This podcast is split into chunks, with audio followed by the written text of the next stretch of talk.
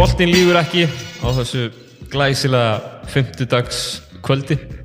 Ekki, ekki fymtudagar Ég held sem miðugdagur, en mögudagar við langar að segja Það fimm. er mikið þar. já ok, allavega velkomin í, í, hérna, í boltin lífur ekki. Sittum hér. Ég, Davíð Eldur, við erum fréttin Sigurður Orri. Sæl. og góðu gestur sem, að, uh, já, sem er með okkur hér í kvöld. Þú velkomin heila, Takk fyrir það. hvað segir þú gott? Ég er bara hress að gáta Þú, rataði Vesturbæn? Herri, já, ég bara, ég bý hérna mjög þannig að þetta var ekkert mál. Ekkert mál, nei Nei, það er okkar, sumir, sumir hérna þurfa lendi í smá vesinni að finna þetta hérna, Já, já, en ekki svona vel, vel sjóaðir hérna, nei, nei í, í, í svona mið, miðbæðarsvæðinu, eins og hérna. Við erum bara, við erum næstu í nágrana þá Þú býr hérna, hérna með við bara. Hérna með við grænt.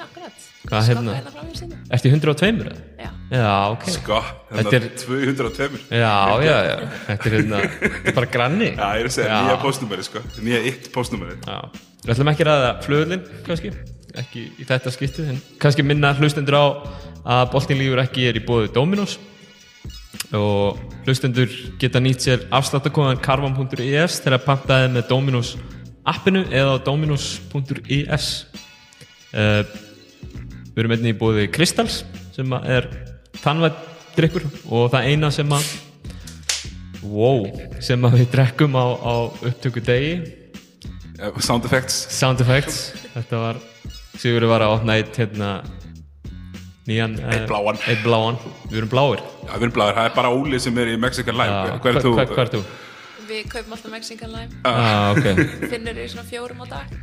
Þú ert í þeim skóla Ég, nei, reyndar ekki sko, en ég er meira í svona Pepsi Max ef ég er að fá mig svona. Já Við hérna Já, við ætlum svona Já, við ætlum að taka næstu næstu stundir í að svona rúla yfir yfir ferlinn með þér helena svona hinga til allan þú erum ekki búinn Ég vonandi ekki. Nei, við vonum ekki Við kannski svona Við byrjum bara Byrjum bara á byrjunni uh, Yngri flokkur, Hva, hvað er næstu? Herra, ég er bara haugari og hérna þegar ég var svona, þú veist, ég var alltaf í fótbolta og fannst körubolti áhugaverður vegna þess að pappi var formaður hjá haugunni líka. Já, þannig að við vorum mjög mikið í kringum bara, þú veist, mestarflokkin kalla liða aðla Mm. að vantaði bara, þú veist, það var enga stelpur að æfa. Mm. þannig að svona til að byrja með var ég bara með eldri bróðum mínum og svo einhvern veginn bara tók pappi á því að, að smala stelpum í, í hauga og við einhvern veginn náðum að búa til svona nokkur yngri flokkar lið og, og svona eiginlega síðan þá hefur haugarnir alltaf verið bara mjög stórir Já, megin já. og gengið bara vel. Þannig að ég get svona, ég, ég vil alltaf gefa pappa mikið hrós fyrir það. Fyrir að hafa smalað í liði en þú, Já. en, þú, en þú kemur nú frá Þú ert nú ekki eini Körubólta leikmaður nú í þínu fjölskyldu. Þú kannski sért svo eini sem hefur svona farið út um allan heimæknin í einhverju mennsku og einhverju en þeir eru nokkur eða ekki? Jú, við erum fjögur sískinin og vorum öll í körfubolta alltaf. Um, Daví, eldri bróður minn hann hætti held í 16 eða 17 ára. Hann mætti á nokkru landslýsakir að benna gum og bara taldi það að vera nóg. Hætti eftir það. Uh, Gugga náttúrulega er með það að spila og svo er Kristján bróðir bara svona frekar nýla hættur út af meðslum þannig, að- við vorum öll bara í, í haugunum í körfunni. Já. Uh, Þú ert uh, 88, ekki? Jú. Já, með hverjum ætti að spila upp þessa yngri flokka?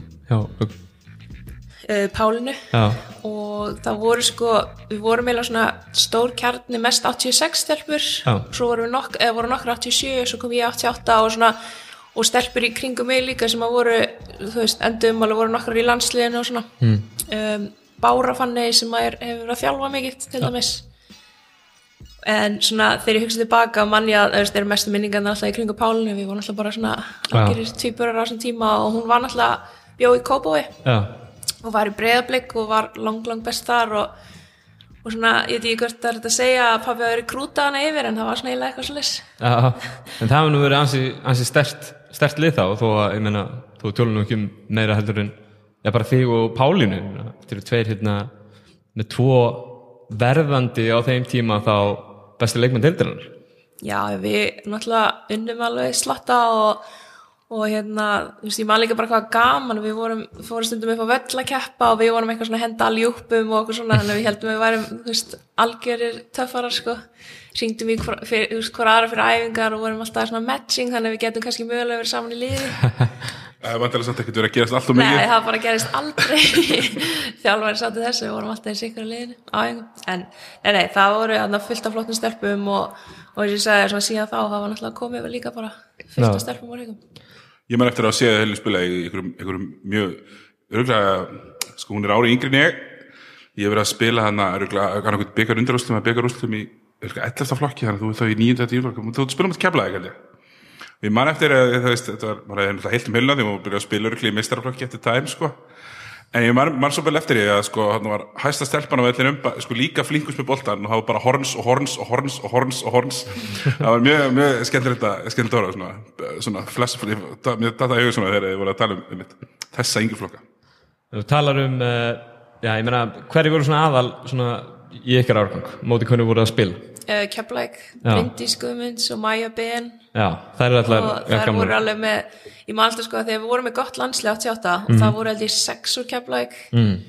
og þetta var alltaf hörkuleikir og ég held við vorum, þú veist, við munum þetta ég ennþá, það var í sjöndaflokki það var unnið það fyrst. Já, ok. og það var, hérna, það var í sveitinni. Það var mjög lítill völlur, þannig að Mm. Að, og hérna, ma- ég man maður gæti að tekið innkast það var svo lítið pláss frá sko vellinum og lín, eða, veggnum og að línunni. En hérna það var alveg stórskrið að þau vunnið þar fyrst en þetta var alveg svona í minninguna var það, já, keflæk sem að voru mjög sterkar og svo svona í árganginu fyrir ofan, þú veist, var það bæði keflæk og njarvík voru líka með góða stelpur þannig að þetta var alltaf hörkuleikir. Já, voru við sigursælar í svona í gegnum yngri flokkana? Já, um, það tók smá tíma svona, veist, það var kannski ekki í, veist, minnibolta, en svo þegar við vorum komnar hann í, hvað, sjöunda, áttunda flokk og upp úr þá vorum við að vinna tvo, þrjá titla á ári, sko, í illa nánast hverjum flokki, en alltaf samtalið mikil keppni á móti aðla. Já, hverju voru þjálfa liðið svona á þessum tíma? Sko, pappi var með okkur eitthvað til að byrja með, uh, svo fengum við alls konar þjálfara, Yngvi Páll var eitthvað með okkur, um, Henning kom einhvern tímann, ég er með sko lélasta minn í heimi, Uh, ég man alltaf að Kitty Óskars var að þjálfa. Kitty og Jonni voru að þjálfa keflaugustelpunar já, þannig kynntist ég þeim fyrst. Eitthvað öskrandi annars hliðlinni og Jonni ennþá öskrandi hliðlinni en það var, já, það var við fengum alveg nokkra. En þú ert komin samt svona frekar ung, ég náttúrulega bara svona með við interneti í þessum, þessum gamla tíma sem ég fór í gegnum núna fyrir upptökuna og þú ert komin samkvæmt internetinu, þá ertu komin 12 ára í meistraflokk. Er, er þetta rétt eða? já, það passar ég hérna- var, náttúrulega, ég var svona mjög veist, líkamlega þroskuð og Já. hafði góða stjórn á líkamlega á mér og ég var alltaf, ég, var alltaf í fótbolta líka og körfubolta þannig ég var bara svona mikill íþróttakrakki Mm. og ég var alltaf að spila þú veist, þrjú, fjögur, fimm ári fyrir mig og það einhvern veginn bara þú veist, vorum ekkert margar og það var ákveðið þannig að búið til mestarflokk Mm. og Sirri, mamma Jónaksels og, og Já. þeirra, hún var þarna og Hafdís Hafberg, þær voru tvær svona við kallið alltaf mömmunar og svo vorum við þarna svona frekar bara ungar með þeim. Þannig að já, það passa sko að var 12 ára. Eins farlegt að hljóma núna. Það er þetta þér, ég meina þú spilar frá því 12 ára og þannig til þú ert hérna 19 í raun og verið með haugum og þetta er, já ég meina þetta er hansi, hansi flottu tími sem átt þarna með haugum áður og þú ferð fer svo út eða ekki. Jú, það er náttúrulega við vorum að, sagði, vorum að byggja svolítið upp vorum hann í fyrstu deildinu eitthvað til að byrja með svo komumst við einu sinni upp og duttum svo strax aftur niður. Og svo einhvern veginn eftir það þegar við komum svo aftur upp þá, þú veist, vorum við bara þar og vorum að vinna hann að fimmfalt seinasta ári á hann ég fer.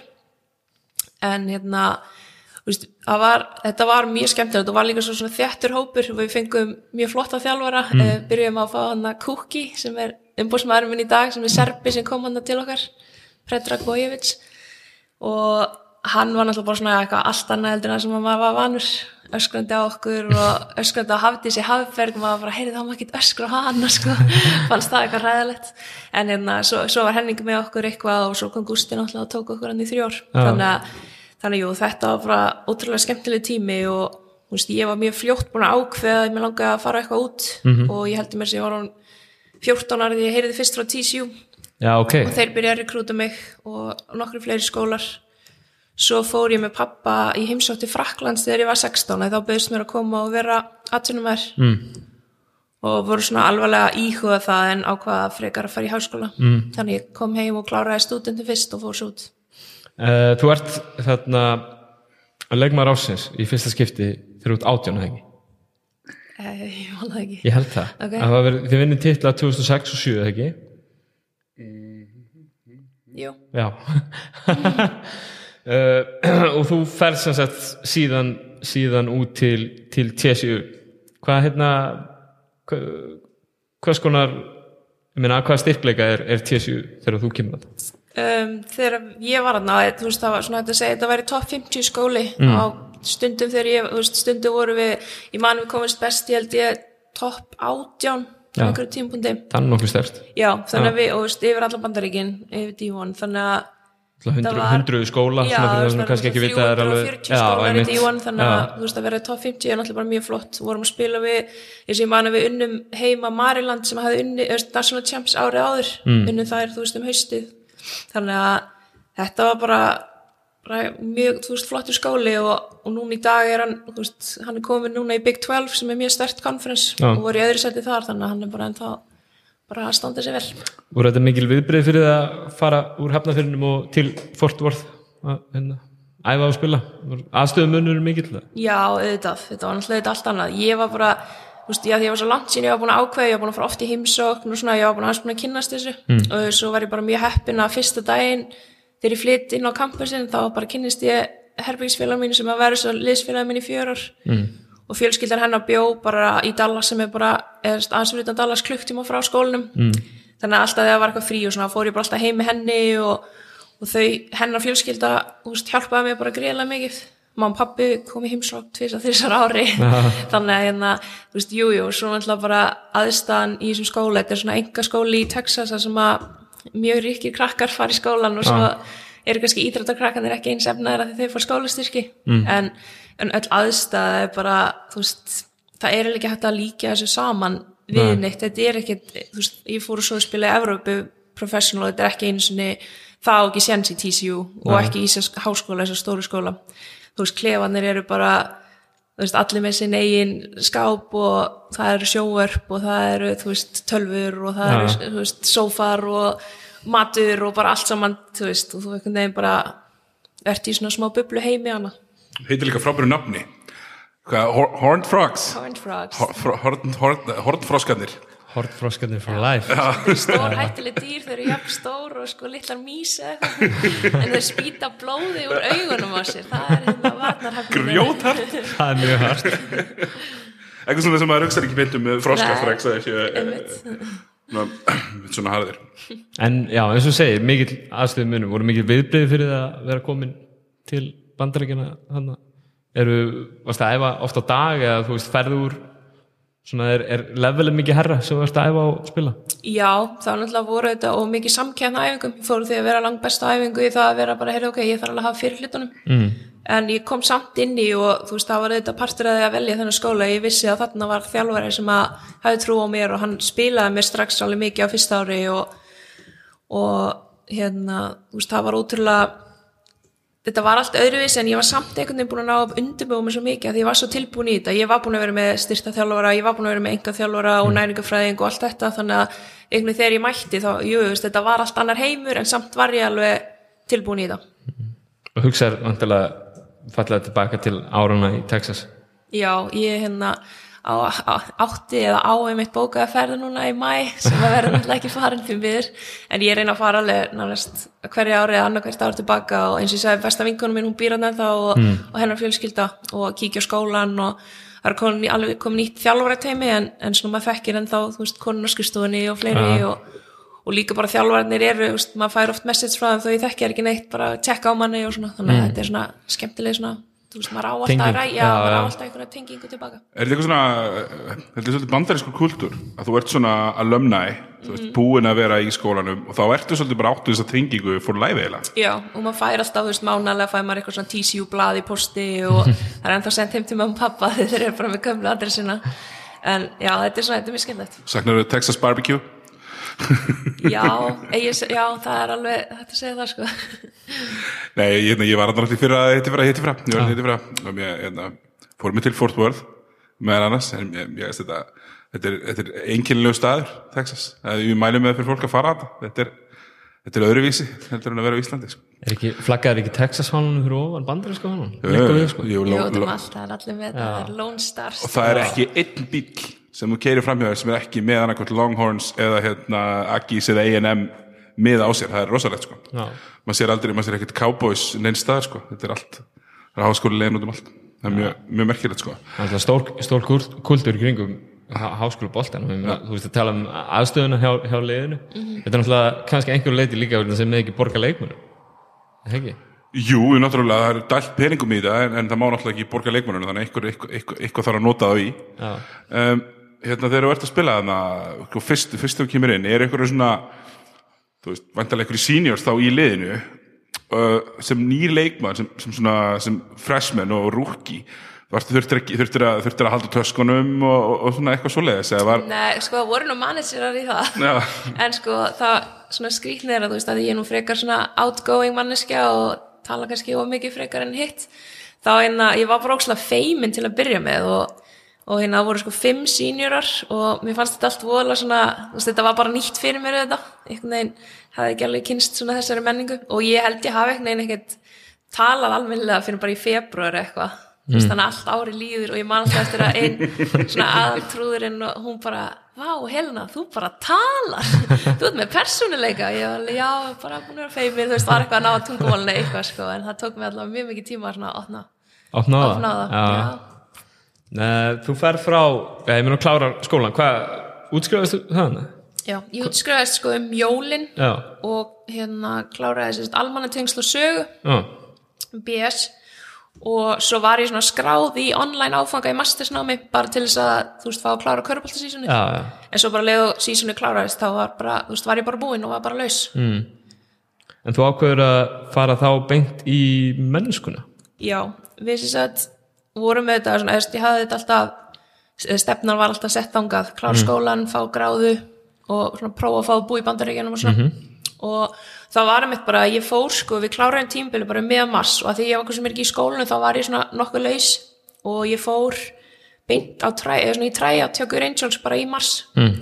og þannig að Cookie sem er umbúrsmæður minn og er búin að vera allan tíma hann, hann var sem kom mér, kom mér í þetta. Þannig að þeir flugum mér út til Slovakíu bara frá Dallas og ég var í viku bara að æfði með liðinu og, og svoleiðis og svo með búinn samningur fyrir næsta ár mm. sem að við skrifum undir bara mjög fljóðlega eða ég skrifum undir bara mjög fljóðlega eftir þetta og ferð þá frá, frá TSU til uh, Good Angels þú ferð úr því að vera, hvað segir það? Horn, Horned Frog. Horned Frog Horned Frog yfir að vera góður engil Já. þú lítur nú að vera sáttu með þá umbreytingu Já, þetta er, þetta er sko, þetta er hérna þetta er svona styrtar félag fyrir krabbaminsveik börn í Slovaki mm, Angels. ok. þannig að þetta er eiginlega, þetta var ekki styrtar aðli fyrir klubbin heldur hétu við eftir þessu styrtar félagi já, já. þannig að maður er, þetta var, þetta var eitt besti klubbur bara sem ég hef verið bara pastur af. Þannig að, og mér þykir ennþá bara mjög vænt um hana klubb þetta var mjög góð ákvörðin þú áttu nú líka já, nokkuð góð, góðan tíma hjá liðinu, þetta, er sterkt lið. Já, við vorum, ég var þarna í tvö ár fyrst og við fórum, þú veist, í Final Four, annars skiptið Euroleague, Final 8 í hitskiptið mm. og vorum að spila, þú veist, bara, náttúrulega í Euroleague vorum að rústa deildinni heima og byggja mestarar og svona og, verði uh, þjóð, uh, landsmeistarar í bæðiskiptinu? Já. já.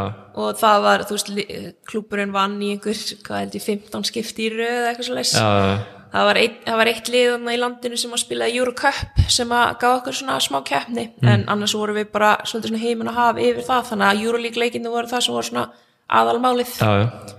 og eins og ég segi fórum hann að gleymi aldrei þegar fórum í Final 8 þá er öllum liðan og bóðið fyrir til Rússlands til Jekaterinburg mm. sem er þekktasta lið kvennaboltana því þeir eiga svo ótrúlega mikið pening. Einhver gæði sem á hann einhverja námu í einhverju fjalli bara dælir í lið og hérna og við sérst já fó, fórum öll lið þanga og vorum að spila þar og hittið mitt Óli Raps kom þanga mm. og var með velunafninguna það var senast að skipta sig hitti hann já.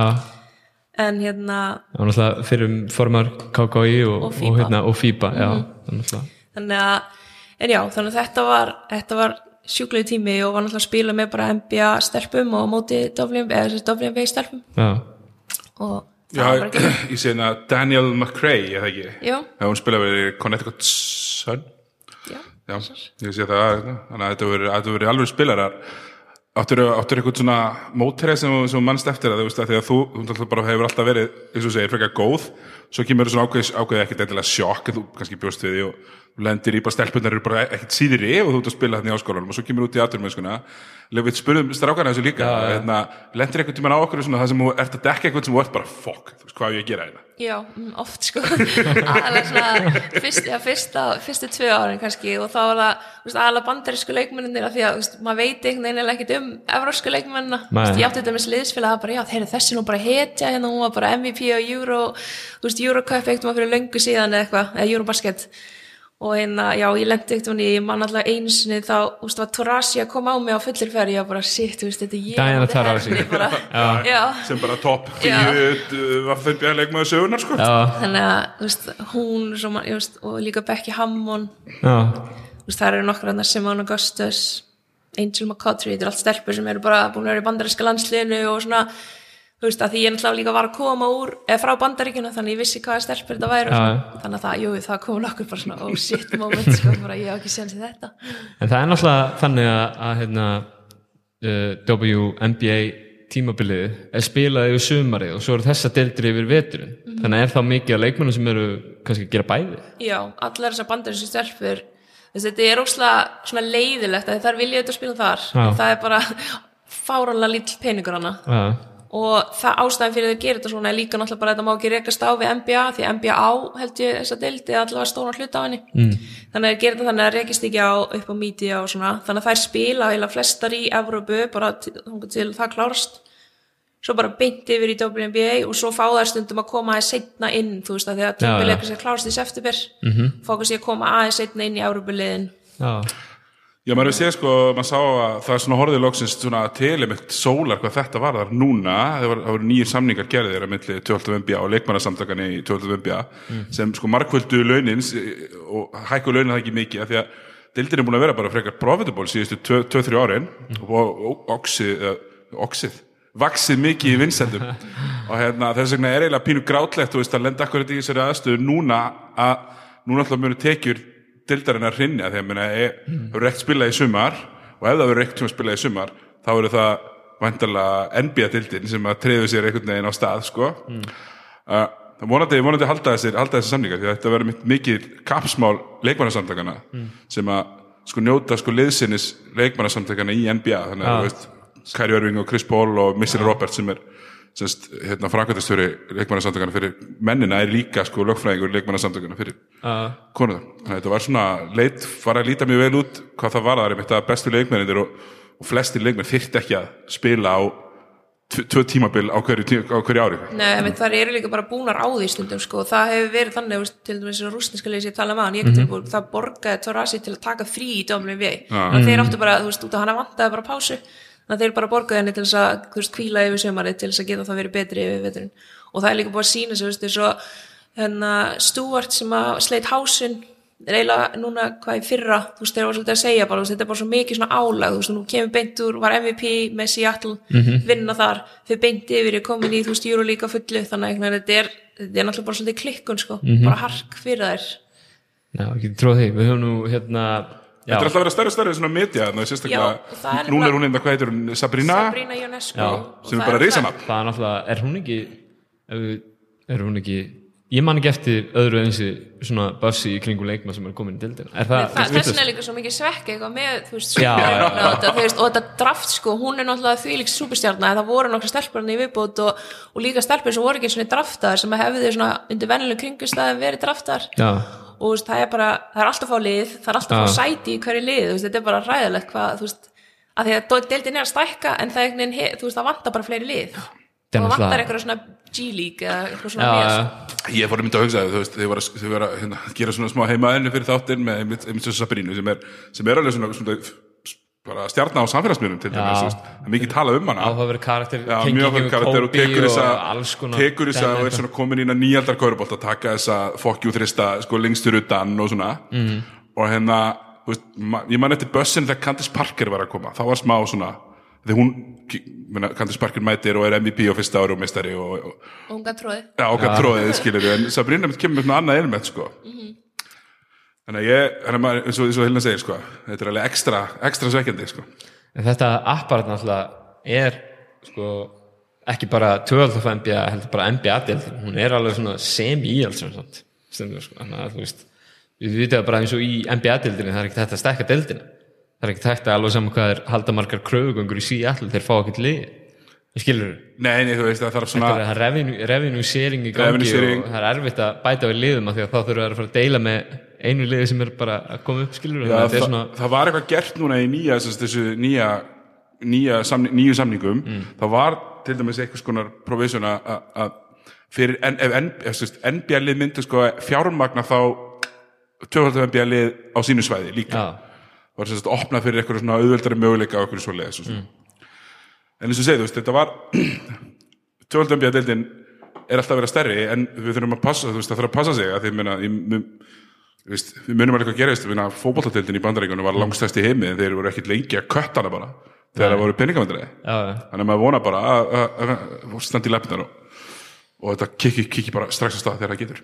Uh, en við erum ennþá í Slovakíu Já. hjá, hjá Good Angels, þú ert þar í tvö ár við erum tvo titla, ferð í Euroleague í áttalega sagði það ekki? Fjaralega annar fjaralega annar og áttalega hitt ári uh, ferð svo til kanntu að byrja þetta fram? Dia, Dios. Díustjóri Dios Diori. Í Miskóld sem að í Ungurlandi Mér langaði að þetta komast nær Íslandi. Það Já, var svolítið mikið vesinn að fljúa hana á þessum tíma. Já, það flóði til Budapest fórst bara klukktíma söður sem var ekkert eitthvað miklu auðvöldara en hann bara frábært tækifæri og hérna bara svona spennandi. Þetta var Eurocup á sínum tíma. Já. þetta var ekki Euroleague en eh, voru í Eurocup og var spænsku þjálfari þannig að þetta var svona svolítið spennandi og þetta enda að vera bara svona frekar skemmtilegt ár sko. Já, og mikill munur á sko, bara, sta, hvað segir maður munur á, á gæðunum bara Já, sko, ungverska deildin er bara allt annað endur slóaska. Það eru með, sko, uh, lið sem er yfirleitt svona topp 5 í Euroleague í sjóprún og svo eru svona 5 önnur sem taka þátt í Eurocup. Mm. Þannig að allt inni varst að spila, sko, bæð á miðgutum og lögutum og báðuleikin voru erfir. Annars, þú veist, í Slóaki var, þú veist, þetta var stundum bara grín. Við vorum að vinna sem með 80 stigum á löguti. Þannig að þetta var svona, þú veist, þetta var bara stökk svolítið og var bara einhvern veginn miklu skemmtilega líka í ungversku deildinni. Það voru bara margir leikir og og hún er miklu meira physical já, þú veist, ég var eins og tæklega gælu bara svona fótboltatækling, þú veist, ég bara hvað er í gangi hérna, sko, það, þú veist, það var alveg bara svakalega, sko, fútboltækling þú veist, amerísku fútbol en þannig að, já, þannig að það var mjög skemmtilegt og það var svolítið svona breyting.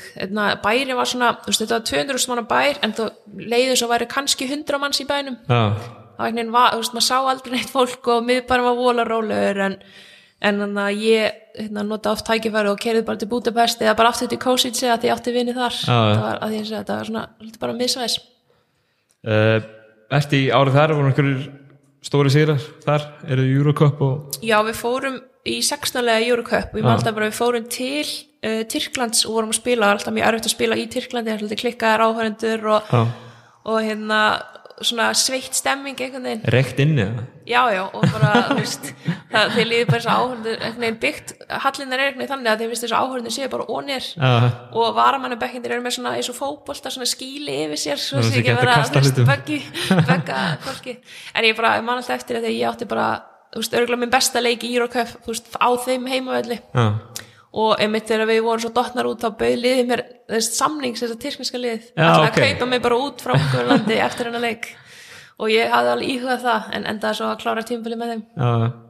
Uh, og fer svo eftir þetta tímabil þá fer til, til Póland þá ertu búin að taka hérna Slovakíu tvö ár, Ungarland eitt tímabil, svo ertu komið svo til kannski Póland loksins aðeins nær Íslandi Já, og fór hann alveg í vestur hérna Póland og það var náttúrulega bara önnur geggi deild. Sé, sé, sé, Polkovice Já, Polkovice, Polkovice. pingulítill bær svona í vesturluta Pólands mm. bara tvo tíma keira til Berlínar. Já, og hérna svo deildi með þú veist tvö Euroleague lið, fjögur, fimm Eurocup, þannig að svo deild var þvílíkt sterk en bara leðilega við að vara að Póland er reysa stort og við fórum með allt í rútu þannig að söma rútuferðina voru ekki tíu tímar eða eitthvað, þetta er algjör styrlun sko. En, en, en já, CCC var svona ef frekar þekkt lið og, og þetta er svo stórt hérna, skófyrirtæki. Mm. kannski ef þið farið til Európa og sjáu stundu skópur í málunni sem heitir CCC, svona appisinu vilt Já, og þeir voru með, með reglur að við áttum alltaf að vera í svörtum hnéhám sokkum og svörtum skóm. Það mátti ekki vera neitt annað.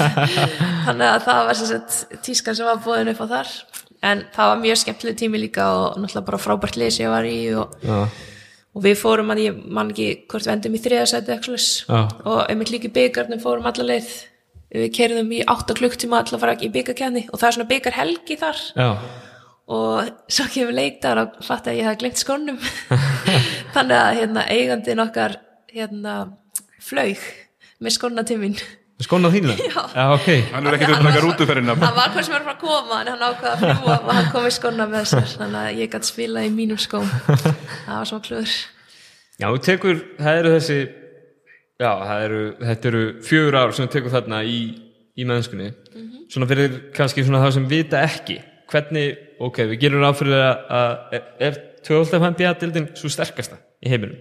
Hvernig er svona styrkleikin ef þú myndir já, setja er, þú veist, þar eru sterkustu leikmenninir en Já. hún er náttúrulega bara hvað, fjóri já, já, eða eitthvað og, og er bara svona þú veist, það er rosalega mikið svona bara pólitíkana já, já, og það eru mjög fáir og ég held sér bara mátt bara með 11-12 roster og, og hvað 10-11 lið þannig að þetta er ekki droslega margi leikmenn sem komast að. Nei þannig að þá þú þarfst svolítið að vera og það er alltaf sagt, þarfst svolítið að vera með réttu hérna háskóla þjálfarna til að fá að komast og fá séns.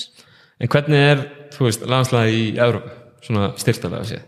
um, sko Euroleague er náttúrulega mjög sterk og Já. þar eru þetta sterkustu klubbarnir Eurocup líka með mjög flotta klubba svo er bara svolítið misjáft, þú veist hvernig eins og að slóaskallleitina var ekkert eitthvað var í hana en í Ungverland og Pólandi voru deildina mjög sterkar. Já, og þar eru sko, það, þetta er ekki svo hérna heima þar sem við æfum bara þú veist, í 90 mínútur á kvöldin, þarna er bara allir í liðinu atvinnumenn. -hmm.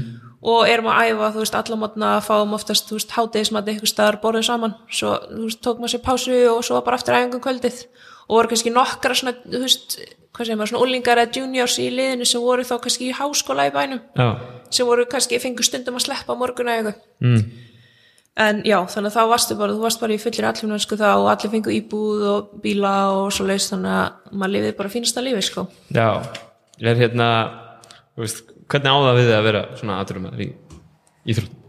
Þetta var bara mjög fullkomið fyrir mig, ég hérna, er ekki ennþá tilbúin að fara að vinna neitt, sko. Þetta Nei. búið að spilla manni ansi vel að, hérna, eða, já, ansi mikið að, að fá að vera, veist, að gera þetta að atvinnu, einhvern veginn bara, þú veist, að gera það sem þið finnst skemmtilegast að gera. En mér finnst körbólta allavega en þá bara ókslega skemmtilegur, þannig að hérna maður bara ótrúlega heppin, sko. Var eitthvað, þú veist, ég spurði, hauka svona svipu, skilur, þú ert á hreyfingu, svolítið, tvö árendar í, í Slovakíu, en ertu, þú veist, náður að mynda með hann eitthvað svona, svona hæfileika í að, eignast nýja vini, eða, þú veist, verður meira outgoing við þetta, eða verður þú svona, Já, ég held það, en svo ertu líka kannski bara svolítið, þú veist, með liðsfélagunum veist, já. ég er svona, kannski tengdist könunum oft mest mm. og þá, þá hengum við kannski saman, þessi ungverlandi og byggum við allar saman á okkur svona íbúðar hóteli mm.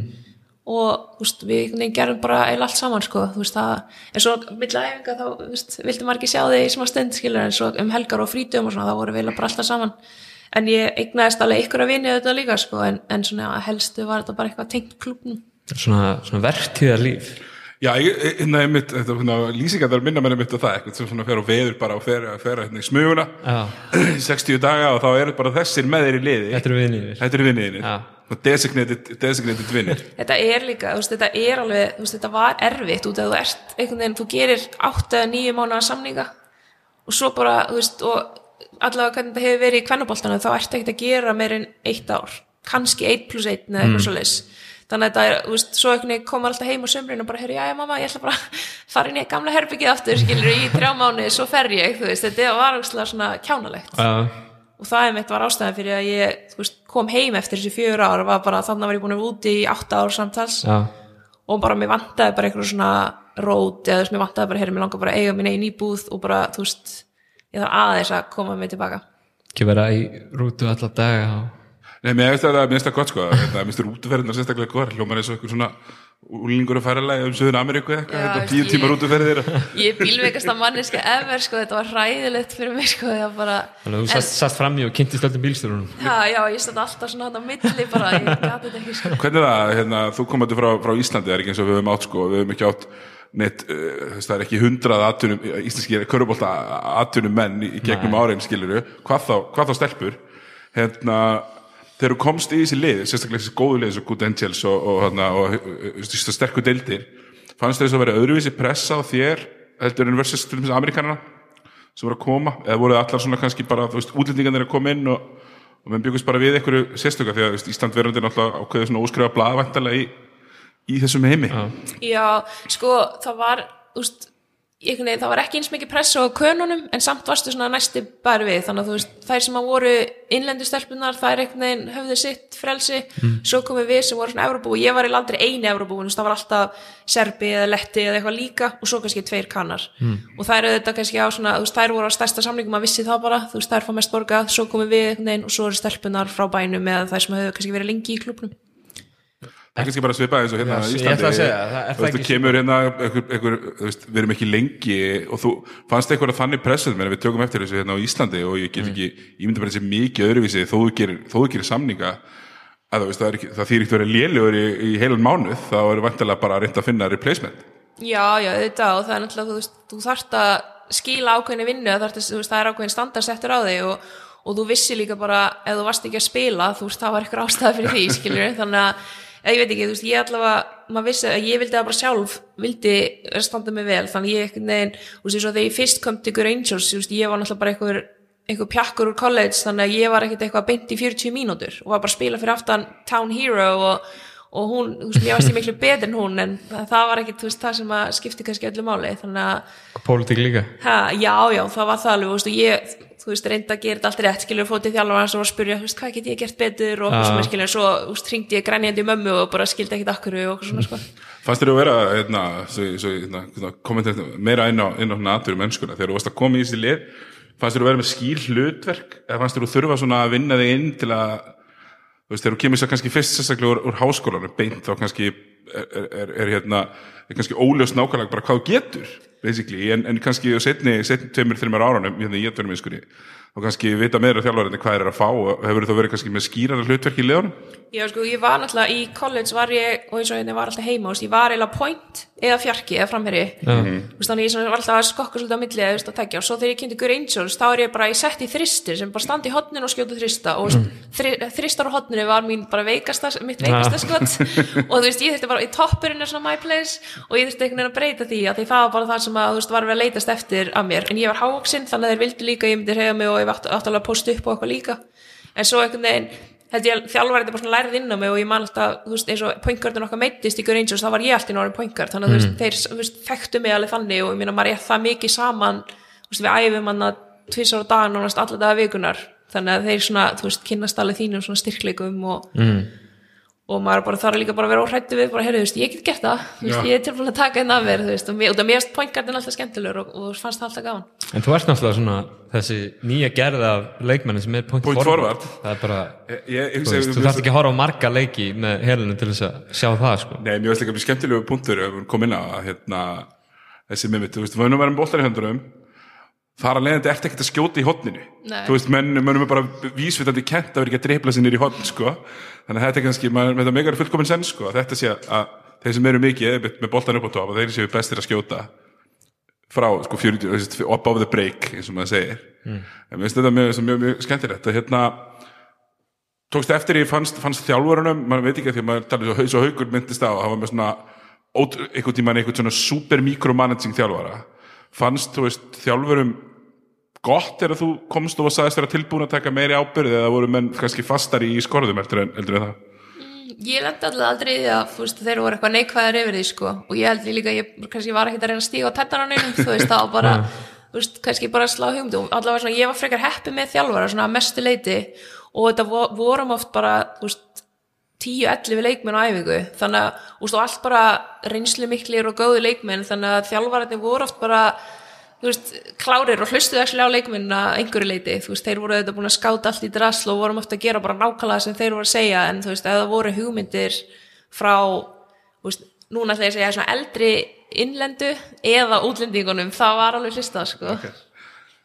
uh, Þú kemur já, ég meina, já, kemur heim hann 2015 það er heim í Hauka aftur uh, kom eitthvað annað til grein ekki þá, nei, Nei. það var ekkit annað. Nei. ég er alltaf bara halin upp í haugunum og, og hérna fylgdist auðvitað mikið með þeim. Alltaf ég kom heim á sumrin þá var ég að þjálfa þessar stelpur já, og, og æfa með þeim og svona. Þannig að just, þegar ég kom heim þá þá var ég bara alveg just, ég hitti einhverja nokkra aðra en það var bara svona hvort þessi sökum. Já, já, en það vantilega verið eins og segir ég meina, búin að vera úti í rétt hefðan ára tug lítur að það verið fegina fór komast heim aðeins aftur eða hvernig já eins og ég sagði sko, þetta, er, veist, þetta er alveg smá erfitt líf. Þú ert að fara eitthvað í 8-9 mánuði og svo koma heim og svo fara aftur eitthvað út og þú veginn svona missir svolítið svona rætunar þú veist eins og allar mínar svona vinkonur það var veist, það er eiginlega ekki íslenskar eða þú veist, þú ert veginn aldrei á sama tímabelti og bara nærði ekkert að hitta þér og svona.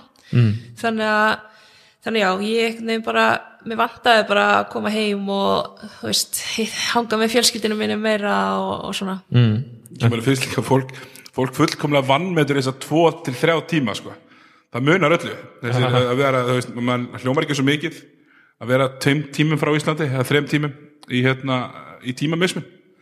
Það munar öllu sko. Þess maður tekur eftir ég, maður missir rosalega rætt mm. rætt svona tengslil uh, 2015 til 18 það er uh, með, með haugum á þessi tímabörnum farið þarna í tvö skipti í úslit það er ekki rétt. Tapið fyrir seríunni á móti Snæfell Snæ. Snæfell, ottalega ásöldum, tróðfullum ásöldum það var einhver rosalegasti leikur sem ég farið á bara yfir höfu sko. Það, hérna, það var smekkfull Þetta var svakalegt sko. Og hérna, maður mann bara, þú veist, mér langar að vera að hugsa um mér langar svo að horfa þetta aftur samt ekki út af við töpum, ég nenni ekki alveg að horfa þetta, en alltaf það að vera mikið drama í kringu liðan já, ég man eftir fréttum af þessu tímabili, Og það var hérna- svolítið, svolítið Já, ókslega svekkjandi að, að eitthvað svona, þú veist, á litla Íslandi sem að finnst ekkit vera eitthvað svona eitthvað stjórnin að grípa inn í dæmi í gangi en svo bara, þú veist var bara algjör klúður gerð og mm. þannig að rétt á hana úsliti hérna byrja við að og voru með Chelsea já, Chelsea Swears. Fer í janúar, ég. já, hún, hún, ke- hún kemur í janúar og er farin bara hana fljótlega. Já, þá voru öll red flags að taka hana en af einhverjum ástæðum gegn þjálfarum og fleirum var hún tekin og gerði bara illt í verra veist, þetta var bara ekki nóg gott. Nei, og við töpuðum líka held ég í Grindavík byggaleg, já. Það var fyrsti leikun hennar held ég, ekki það ég er ekki að kenna henni allt um þetta skilur en það bara var, var, veist, það var eitthvað skrítið þegar hún mætti á sveið mm. og já, fórum í hana því líka serju og Snæfell. á móti Snæfell. Við komumst held ég vorum tveim segum frá ofan. Ég, ég meitti mig í þessari serju en á þess að spila bara, já, bara vafin um kalvan og hérna já, við töpuðum í hörku serju hana. Mm. uh, komum svo tilbaka tímabilið eftir og það það var aðeins minna drama því tímabilið, 2017-18 sko, er ég ekki ólið þar? nei, byrju, Ég á barnum mitt 2017 en það er örugglega 2016 já, ég, ég mitt. Eða, sem sagt, e, á, já, það, við, tapa fyrir, við töfum snæfell. Svo á ég barnum það er 2015-16 já, 2000 já, já, já. Það er aðeins minna, minna drama á því tímabilið já, 2000, já, 2018 voru í 2018 já, það var hérna, nefnir þetta fór í það fór náttúrulega í fimm leiki. Já, það var alveg þú veist, maður var alveg skítrættur þá sko. Mm. Valur var að spila því litur vel. Gugga var bara on fire hann í leiknum ásöldum, senasta leiknum. Mm. og hérna, þú veist, það er þetta að segja allavega ég var þetta þennan leika því unnum, ég var þetta þennan leika aftur. Sigrun Björg, litla 17 ára, setur hann að þrjá risa þrista Mm. en svo var þetta bara, ég með þetta bara hörku leikur alveg anga til í lokin sko. Já. Og þið vinni hvað, fjórastæði sigur? Já, Já, það ég- var ekki mikið sko það er náttúrulega heila, heila með mótist 20-20 leik bara. Já, það, þú veist, það er svona, allan að í minni minningu, þá var þessi seria, þá var einhvern veginn, þá varst það þú og fullt af yngri haukastelpum sem voru bara að spila geggjað, eða þú veist, þar voru þú veist, Sigrún, Rósa, Þóra, uh, þú veist með hörkur lið, þannig kringum. já, dýrfina Já. sko, þetta var líka, við vorum með Whitney Fraser Já, sem að var drullugóð, passaði fullkomlega inn í okkar lið en hún var ekki svona kani sem er með þú veist 30, 20, 10 eins og margir kanar þurfa alltaf að vera með. Nei, nei, veist, við þurftum það ekki í okkar lið. En þetta voru, já, þetta voru þú veist, eins og Þóra stelpa sem er búin að vera að fá sjensin og þarna, þú veist, stegum virkilega upp og, og Sigrún alltaf negla niður þessum risaskotum og mm. þú veist, fyrir 17 ára stelpa að gera þetta er, þú veist, en hún er bara svo þú veist, hún var örugglega ekkert að pæla í þessu en flestir aðra hefur mjög stressað á þessum þetta hún bara hafi ekki náð að fatta hvað var mikið pressa í gangi sko. En uh, vantilega stórt að ná að klára þennan titil eftir að hafa já, svona pínu klúraði tímabilið áður. Já, já, tveimur árum áður sko. Tveimur árum, ég, þetta var ógæðislega sætt og þetta var einhvern veginn eins og sagðir að því að þegar ég kem heim að vinnum ekki hana fyrsta árið Mhm. sem að var, veist, ég, þetta var erfitt. Mjög erfitt. Þannig að það var einhvern veginn bara fáránlega sætt. Ég, þú veist, það er ekki margir titlar sem hafa verið svona geðvikin en þessi var geggjar uh, Það lítur að gaman fyrir þig sem svona komandi úr, komandi heimur aðdurumennsku verandi reynstu bolt í liðinu og þú, og setjum ekki eitthvað fjörgömmul sko. Hérna og þarna já, bara þrítu þarna. Uh, er ekki gaman að sjá svona, þú veist, þú hefur vantilega verið þú veist, þú komst hérna, varst að þjálfa vantilega eitthvað yngri flokka með sér líka, ekki gaman að sjá svona stelpur koma og, og einhvern veginn hyrða tækifæri sem maður fe- fengu einhvern veginn, já, Jú, ég held líka þessuna þótti mér ennþá vægn um þetta líka því við erum svo gaman að vinna þetta með þeim einhvern veginn, þú veist, ég veist, frá því að það eru bara litlar, þá hef ég oft verið að koma á sumrin og er að drilla þær og, og gera æfingar og svona, svo var ég hann að byrja að spila með þeim og náttúrulega hann að eignast stelpuna mína og það er allar, þú veist, að passa hana og Ja. svona skilja hana, eru bara, veist, eru bara svolítið stór partur af hvornars lífi, þó ég sé 10-12 árum eldri þær. Já, já. Og hérna er kannski ekki eitthvað sömu vandaði sem veist alltaf ég að fyndi þegar ég kem að æfingar veist að heyra vandamáli þeirra og ég er með svona öðru stað sko. Ég er með batn og mann heima skilur að væli ískápurinn er bilaður eitthvað veist að meðan er eitthvað allt annað í gangi hjá átjónara gælanum sko. En veist það er bara skemmtilegt líka og þær eru bara þú fara að kútast á þær þær eru, bara bara geggjaðar stelpur sko og bara ótrúlega gaman að þetta var mjög skemmtilegt að vinna með þeim. En þú ferð eftir þetta ertu það er hérna setningin if you can't if you can't beat them, buy them. Já, ég ætlaði að mynda með kvót sko, með hérna, að því að, að því að hérna, sko, strax eftir úslitin 2018 fyrir, fyrir hérna, Guði Pjúkberg í Viðdal og segir það er ömurlegt að spila mótið þetta er leikmaður sem þú vilt vera með í liðinu þínu. Og svo er bara kortir í setna eða ekki? Eða, sko, veist, ég reyndar náttúrulega ég, ég fer til þess að fara til ungverðans Já. ég fer ekki beint yfir í val Nei. heldur hérna var þetta búið að vera koma upp tilbúð frá útlöndum Já. og Cookie sem ég er búin að þekkja frá því ég var þú veist 13 ára umbúrsmæður minn hann var alltaf að segja mér bara þú veist you still have so much to give to basketball. Og þú veist, þú fannst ég ekki eiga heima á Íslandi ennþá, eða þú veist, ekki ennþá. Hann veit að vissi að ég myndi alltaf enda hérna. Og Uh, Finnur var alveg tilbúin að stökka á þetta þú veist, akkur ekki að flytja þú veist, á meðan að stelpan okkar er svona lítil og Já. þetta væri bara skemmtilega tækifæri fyrir okkur. Og voru bara þeirra aðstöð að geta gert þetta. Mm. Þannig að þetta sumarist eftir hennar titil að læti haugana vita ég sé að fara en ég er náttúrulega er að fara í burtu ég er ekki að fara yfir í valbeint Nei, nei. heldur allir við náttúrulega þetta bara að fara og gerum eins ár samning við lið út í Ungverlandi Já, það er uh, check lady. Shegledi EKK Já, þar þetta var í fyrsta skipti sem að úst, bara allt sem að er lofað og samningur er brotinn og þú veist það bara, þarna var bara allt ekki í réttri aðstöðu, þú veist það var bara og málið er að umbóðsmaður minn er líka umbóðsmaður þjálfarans sem hann fór hann á saman tíma og ég og hann nemitt var líka, hann endist út árið það var samt búið reka hann tvís var heldur yfir árið áður en hann fekk að klára. Og við ákveðum ákveðum bara sem sagt, við mætum hana og hefðum fengið myndir af íbúinu sem við áttum að fá. Mm. þetta var bara eitthvað hræðilegasta íbúð, ég fekk næstu tauga áfalla fyrsta degi, mamma kom með okkur þegar við vorum að flytja út til þess að hjálpa með stelpuna því að finnur alltaf að vera sem sagt, styrta þar að liðinu. Já, þannig að er þetta einhvern tímann þú veist, það þyrfti að passa stelpuna. Og hún var komið leikskólapláss og allt það en veist, þetta var bara eitthvað pingulítið herbyggi eða nánast tvö lítil herbyggi til þess að elda við eldavélina. Mm. og þurfti að standa hliðina á hann og tegja þig yfir að þegar ískápurinn var fyrir fyrir aldrei já, já, þetta var, þetta var svo pingulítið lífbúð. Hljóma safe líka. Já, þetta var, og, og svo er sko hitin í ágúst í Ungverjalandi er gríðalur Já. og það var 35-36 hiti úti, það var ekkert AC en neitt inni, þannig að þú komst sveittur að utan og það var ennþá sveittar inni. Það reyfir ekki vind sko.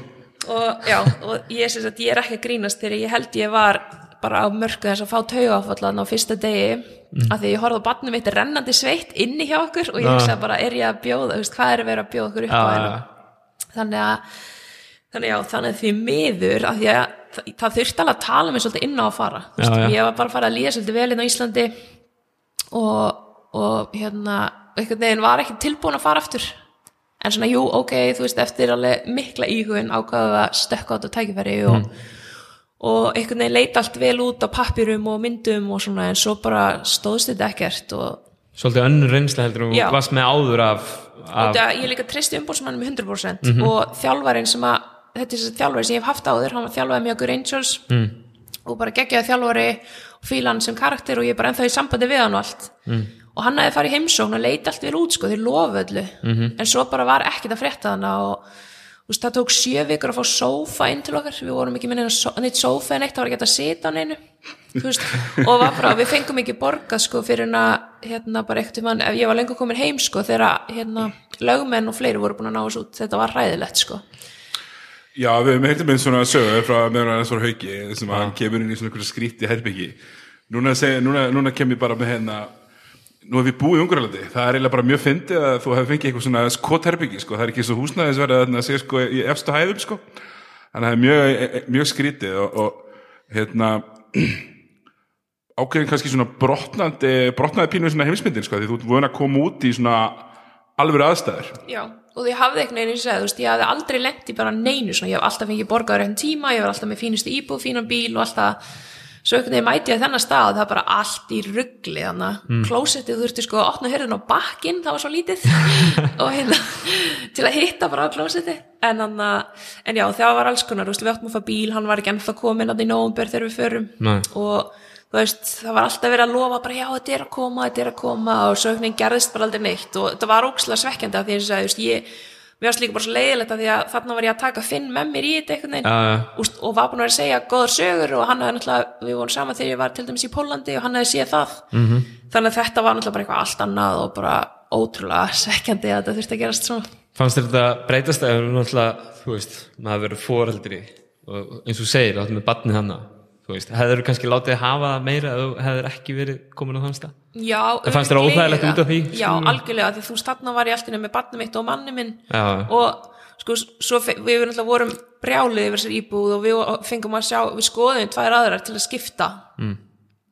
og þær voru bara verri ef eitthvað, þú það voru teppi, eitthvað svona leopard teppi á veggjónum og ég veit ekki hvað og hvað sko, þetta er náttúrulega bara eitthvað ég veit ekki, þeir voru ekkert að bjóða upp á eitthvað mikið betra, þannig að það var svona, þú veist, þeir reynda að gera aðeins betri íbúðina, við fórum bara í Budapest yfir helgina, hann að fyrstu helgina sem vorum tókum bara lest og fórum bara hótel þar. Mm. og þegar komum tilbaka voru þeir svona aðeins búinir að, þú veist, fiff þetta til búið til aðeins meira pláss og svona en, en já, þetta var þetta var ræðilegt, sko, þetta var mjög sérstætt Hvernig er það svona, þú veist, verandi atvinnumæður, ef þið eru bóðið upp á eitthvað svona, ertu, þú veist, ertu eða skilur, ég allavega, þú veist, skiptir það máli? Já, skilurðu? ég held það á þetta, því ég var ykkur Rangers það var bara, við vorum, það var séð um okkur bara eins og prinsessur Mm. og bara, þú veist, og mér þykir óslega vænt um klubbin, þú veist, ég hef ekkert að bera til hennar klubb sem ég var hjá, hann að Þú ert ekki að drífa þig í sumafríði til Sigleti Nei, alls ekki og, bara, og fólki líka, þú veist ég bara,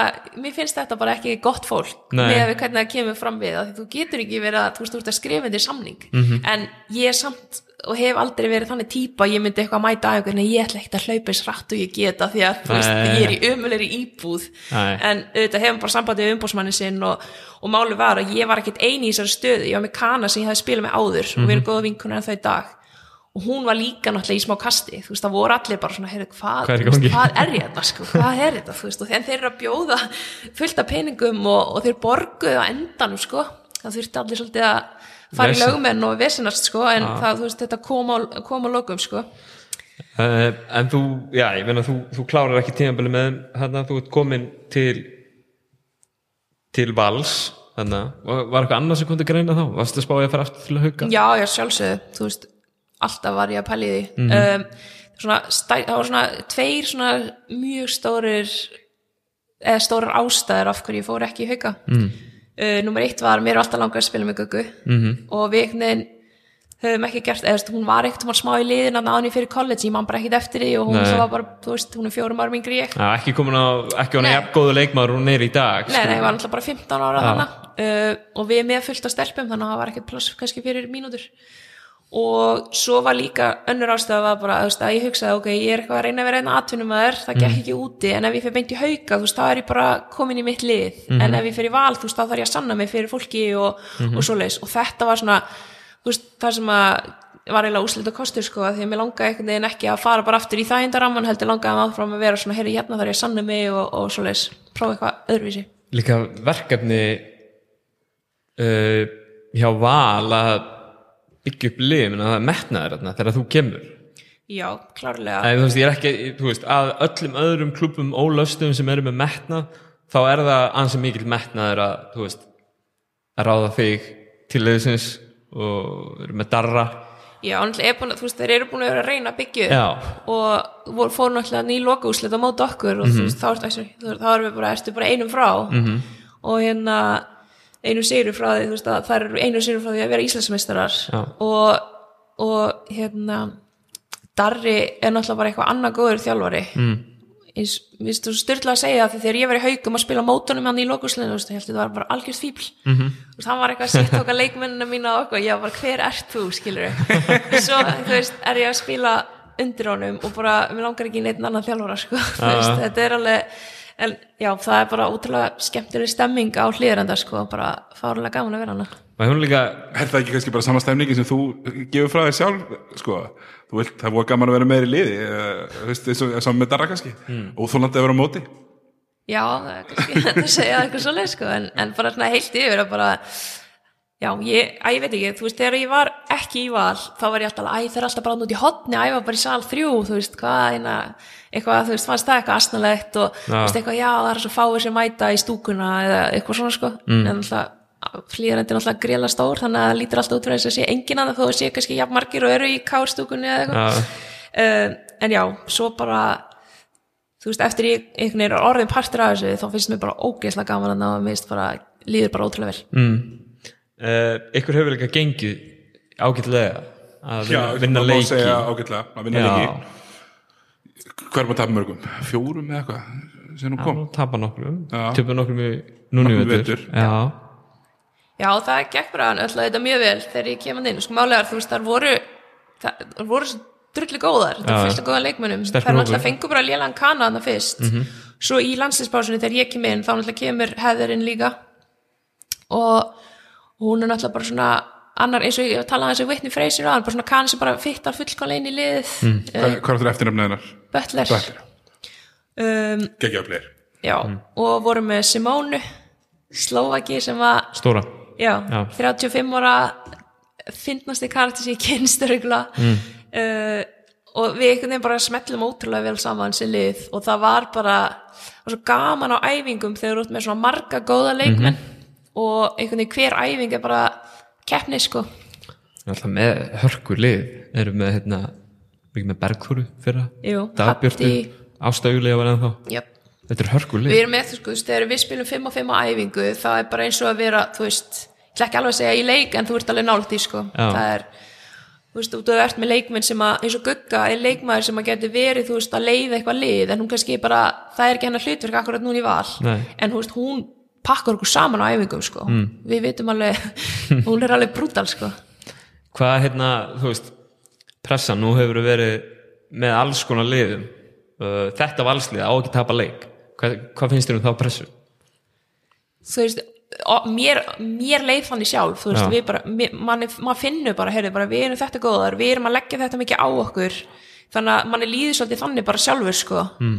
og eins og þegar við töpum núna á móti káir í undanúslutunum í byggakefninni þú veist, þetta stingur ennþá bara í hjartanu þú veist, þetta var, við vorum búin að spila við hann allir í deildinni, alltaf búin að hafa yfirhundina og ég man ég hugsaði bara, þú veist, við getum ekki tapa fyrir þeim nema við klúðuru því. Þú veist, mér fannst þær ekki það góðar þar geta unni okkur, nema að því að við myndum gefa þeim tækifæra á því. Já.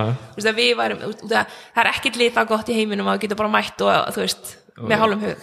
Já, sjálfkrafa eitthvað. Já, þannig að þegar kemur hann að þessu byggrúsleik sem er náttúrulega bara eitthvað styrlaða leikur sem ég neit að horfa aftur á en, en hérna, það er hitt náttúrulega fáránlega það er bara einhver besti leikur sem ég sé sko. Já. það og Darri nú mikill svona tölfræði maður og við töluðum um það eftir þessa helgi og eftir leikinu á móti okkur.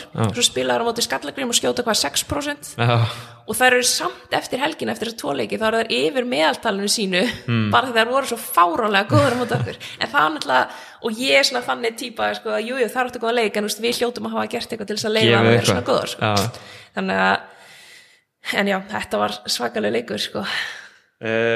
uppbyggingin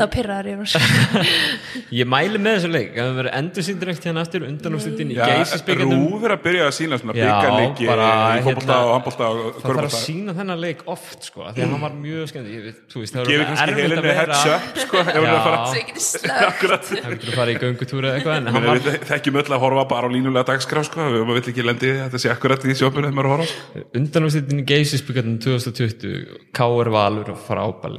Er hérna. fyrir alla nema þá sem að voru að spila fyrir Já, Val ég heilt og veist, það er auðvitað frábært að þegar það er eitthvað svona börs sem er þetta var undanúslega leiku og það Já. ótrúlega vel mætt þá er að tala um kvennakörfu alltaf fýlt mikið þú veist, Já. er alveg, þú veist, þetta er það sem við viljum þetta er fúlt að tapa á allt það en, en að þetta geggja þegar að tala um bara að þetta sé besti körfuleikur sem fólk hefur séð Ég skil samt vel að, að þú sért fúl þið Já, vinnir, já, ég- regular season seríun á móti K.R. 4-0 eða ekki? Jú. Já, þannig að það vant að tapa einum í undanúrslitum það hefði mátt, þú veist, þarna hefði maður alveg viljað skipta einhverjum út, sko. En, Það er í deildaleg já, en svona er þetta En uh, þið val farið síðasta haust, það ekki? Síðasta sumar? Já, farið bara september. Já, þið farið til hérna farið að spila við lið á önnur að sko, plani var eiginlega að taka þátt í Eurocup. Mm. og það var svona ætlinin uh, FIBA gæti ekki svara einhverjum spurningum og það var eitthvað smá vesin í kringum þetta. Þetta var farið að líti út fyrir að kosta ansi mikla peninga, en það var ákvörðin tekin að við myndum fara í æfingarferð í staðin í september og spilum meðal saman í Ekaterinburg mm. rúsneska liðinu, uh, við spilum móti Barcelona og svo spilum móti einu lið öðru, ég man ekki hvað heitir núna, það var eitthvað spænslið og við sérst byrjum að spila við Jekaterinburg sem að ég var ótrúlega spennt fyrir að því að, veist, íslenska deildin er ekki, ekki hinn sterk og rúsneska eða eitthvað leis uh, ég vissi samt að Jekaterinburg væri bara í svona sínu pre-seasoni þannig að það vantaði til dæmis kannana Já, en þær eru samt með, þú veist, stelpur sem eru í rúsneska landsliðinu og svona. Já, og við spilum á móti þeim og það var bara ótrúlega skemmtilegt. Spilum á móti gamlu liðsfélag sem ég átti uh, sem er 205 og hérna og ég er náttúrulega hæst hann í valsliðinu 185 þannig að það var, það var mjög skemmtilegt. Og hérna, þetta var mjög skemmtilegt sko, hérna, við töpum á móti ég gætt undir 20 stöðum það var, það var samt, þetta var fínasti leikur sko, en samt fyrsti leikurinn okkar, þannig að svo spilum við hérna móti einhverju spænskuleið sem við vinnum og svo spilum við móti Barcelona og vinnaði með 50 stöðum já, ok já, lið sem að var að færast upp held ég allavega voru, eða þeir voru eitthvað að tala um það. Já, og það var bara, það er úrslega leiðilt að segja en það er besti leikur sem við höfum spilað á árinu Já. við spilum hann hann eitthvað tíma 14. september eða eitthvað en hann að við vorum alltaf betur úrslætti hérna til að spila aftur svo vel sko.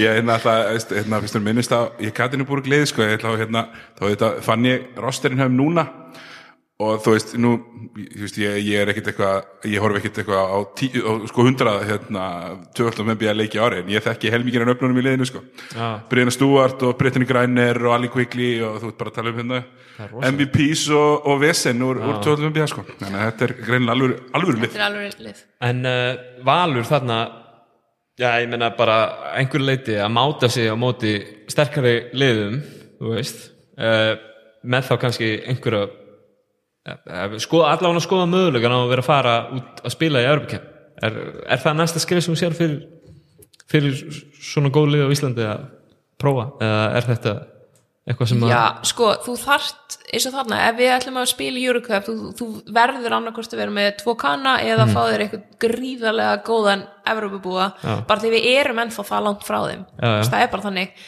En svo getur líka horta á þetta þannig þú veist, þú, er, þú sért ekki að fara í keppnina til þess að vinna heldur, einmitt bara til þess að þú veist, prófa á eins að máta þig við og það mun líka örgulega hjálpa þér að því að ég man alltaf eftir í, í haugunum 2016-17 þá förum við, við förum tvö ári í Eurocup mm. við töpum öllum þessu leikjum en þetta er samt svona eitthvað reynsla og eitthvað svona sem gerir eitthvað fyrir liðið þú veist, sem að kerða okkar áfram inn í veturinn og, mm. og, og stóðum okkur þýlt vel þannig að þú veist, þetta væri geggja að það væri möguleiki fyrir Íslands lið að taka þátt en þú veist, maður er bara skítrættur ég við ekki en þaðlega þessum tímu sem við erum að lifa núna þú veist, ég sé bara ekkert mikið að kvennakörfubólta þú veist, það er styrkir að detta út allstaðar kvennakar og þú veist, ég er bara hrætt já, ég í alvöru, þú veist, maður veit ekki sko. Þú veist, það er, það er verið að strögla mm. nú þegar, þú veist, áður en þetta tímabil sem er núna í gangi byrjar. Þú veist, maður er búin að skýt hrættu bara að deildinar í Árupu bara, þú veist, ég held að vera erfitt fyrir stelpur að fá bara samninga og svo leis já, yfir höfu bara. Já. já, því Nei. miður, Já. en þetta er bara og hefur alltaf sínt sig að þegar eitthvað svona gerist þá er það hvenna íþróttirnar sem að fólk hættir að styrkja og en það er hérna eins og Bryndís skrifaði á körfuna Já, núna flott, fyrir hún nokkrum vel með að lesa pistilina Bryndísar á Já, karamóturis mjög dögum það sem að, já ég meina hún fer bara svona ef við fyrir að tala bara um þetta að hérna þá fer hún svo langt og segir að ef það eigi að styrkja eitthvað af ríki og sveitufölum og það eigi það bara að vera kvennakvörn til þess að reyna að rétta eitthvað við sem að var ójöft fyrir. Hvað finnst þér um það? Já, veist, ég er svona, ég, er erfitt, mér finnst þetta svona slippery slope að fara niður. Þetta er mjög ég er mjög Ég svona, ég já. skil alveg og mér finnst þetta geggjur pæling að þess að ég segi, þú veist, það sem að fer fyrst Mm. frá fyrirtækjum svona eru styrkjum til hvernig, það er bara þannig. Mhm. -hmm. Og það einhvern veginn eru alltaf einhverjir bústerar ríkir kallar sem að eru, þú veist, að setja pening í kallaliðin sín, en ég, ég, ég er samt svona jafnréttismannski, ég vil ekki eitthvað bara kvennaliðin fá, þú veist, þetta bara ganga jaft yfir, ég liði þannig. Já, Ég menn svona að ofinberi styrkir, mennum finnst ekki ólega að hugsa hvernig ofinberi styrkjum er, er beitt sko. það, veist, það er yfirleitt, yfirleitt þannig með, þú veist, ofinberi fyrir það er, er, er- meira þetta sem hallar á sko. já, þannig yfirleitt þannig en maður sér, sér alveg fyrir sér sko að, að það sé, þú veist, maður skilur kröfunum að sé ofinberi fjármagni að sé jafn mikið sett í báðar hliðar sko. maður skilur já þá kröfu bara mjög vel sko.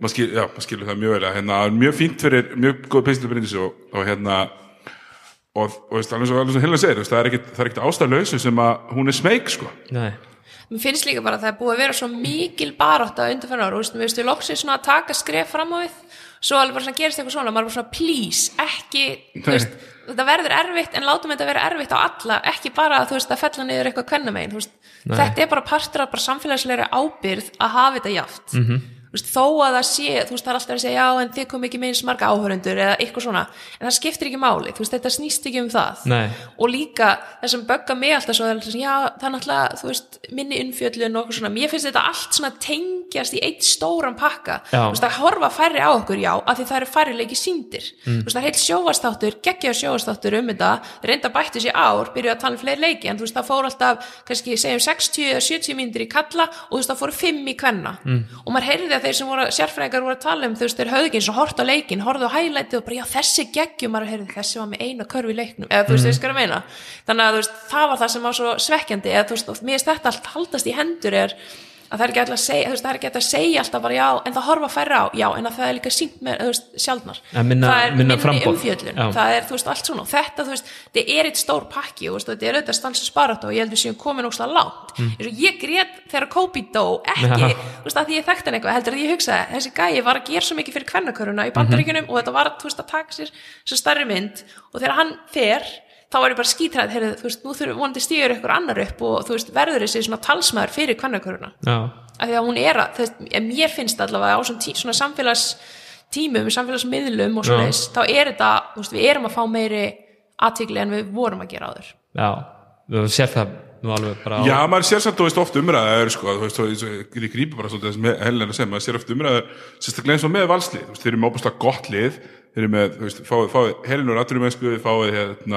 Þú veist, eru eru kannski góðan bandarinska leikmann, góðan Európumann líka og þá er talað um að sé að vera að kaupa teitil og kaupa þetta og eitthvað svona. Og sama tíma erum við að hvörtu hundar þess ekki nógu mikið fjármagn lagt í kvenniðjörtir svo loksins þegar það kemur fjármagn inn í kvenniðjörtir þá byrjum við að væli yfir í að sé verið að nota í, í, í eitthvað svona sko. Ég, ég hérna er, er já, já, ég, það er náttúrulega, og alveg búið að vera auðvitað mikið tala um á Íslandi, þú veist, að í þessum fremur stóru boltaíþróttum sé alltaf bara eitt, tveir, eitt, tveir klubbar, en það er líka bara að sína sig að þetta eru klubbandi sem er actually að setja bara meiri metnað en aðrir og þá eru þessar stelpur sem hafa meiri metnað, þær sækjast auðvitað í þetta, þú veist, ef þú hefur mikið metnað og þið langar að vera að gera hluti, þá sækjast þið í þannig umhverfi, þannig ég er ekki, ég er ekki að setja út á einhverjum liðin, ég er bara að segja að það sem að metnaðurinn er, þar vilja stelpur með metnað vera.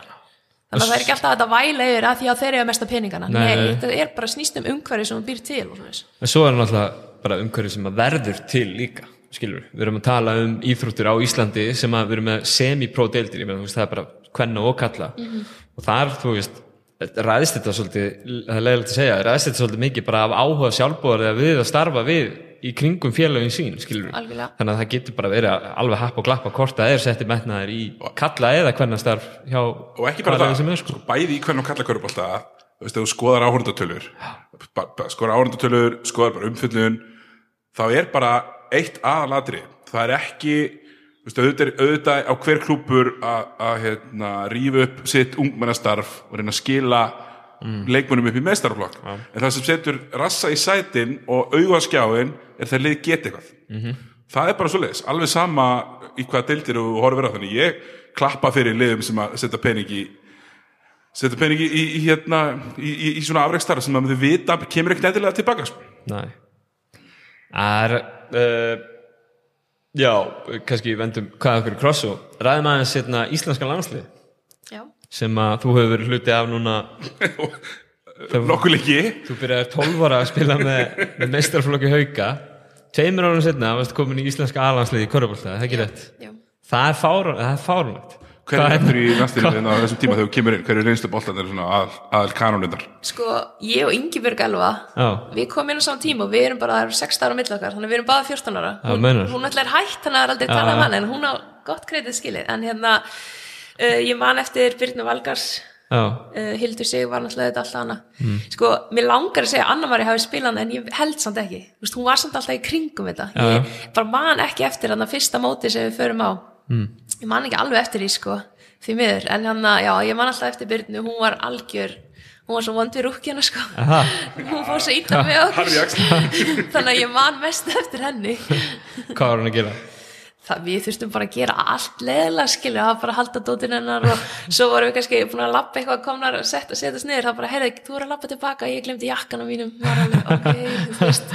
Þorðið náttúrulega ekki að gera neitt nema að hlusta og hlýða sko. Var ekki erfitt að koma inn í, þú veist, inn í landslið 14, eða skilur Jú, þetta var samt óslega skrít ég held ekki að það var ekki eitthvað gott að því Ingibjörg var líka. Já, það voru tvær og við fórum hann tvær og ég bara, þessi ferð sko, ég, og ég, ég sagði hann, ég er svona lélætt minni en ég man alltaf eftir þessu vegna þess að þegar að, hérna, þetta er í Luxemburg og ég man alltaf að Jón Arnór spilaði tríir á þessum tíma og hann býður öllum hann öllum í eitthvað partí í bæinn sinna þetta var rétt hjá, nefnum alltaf við 14 ára við fórum búin út að borða með þjálfarnum og fengum ís og eitthvað,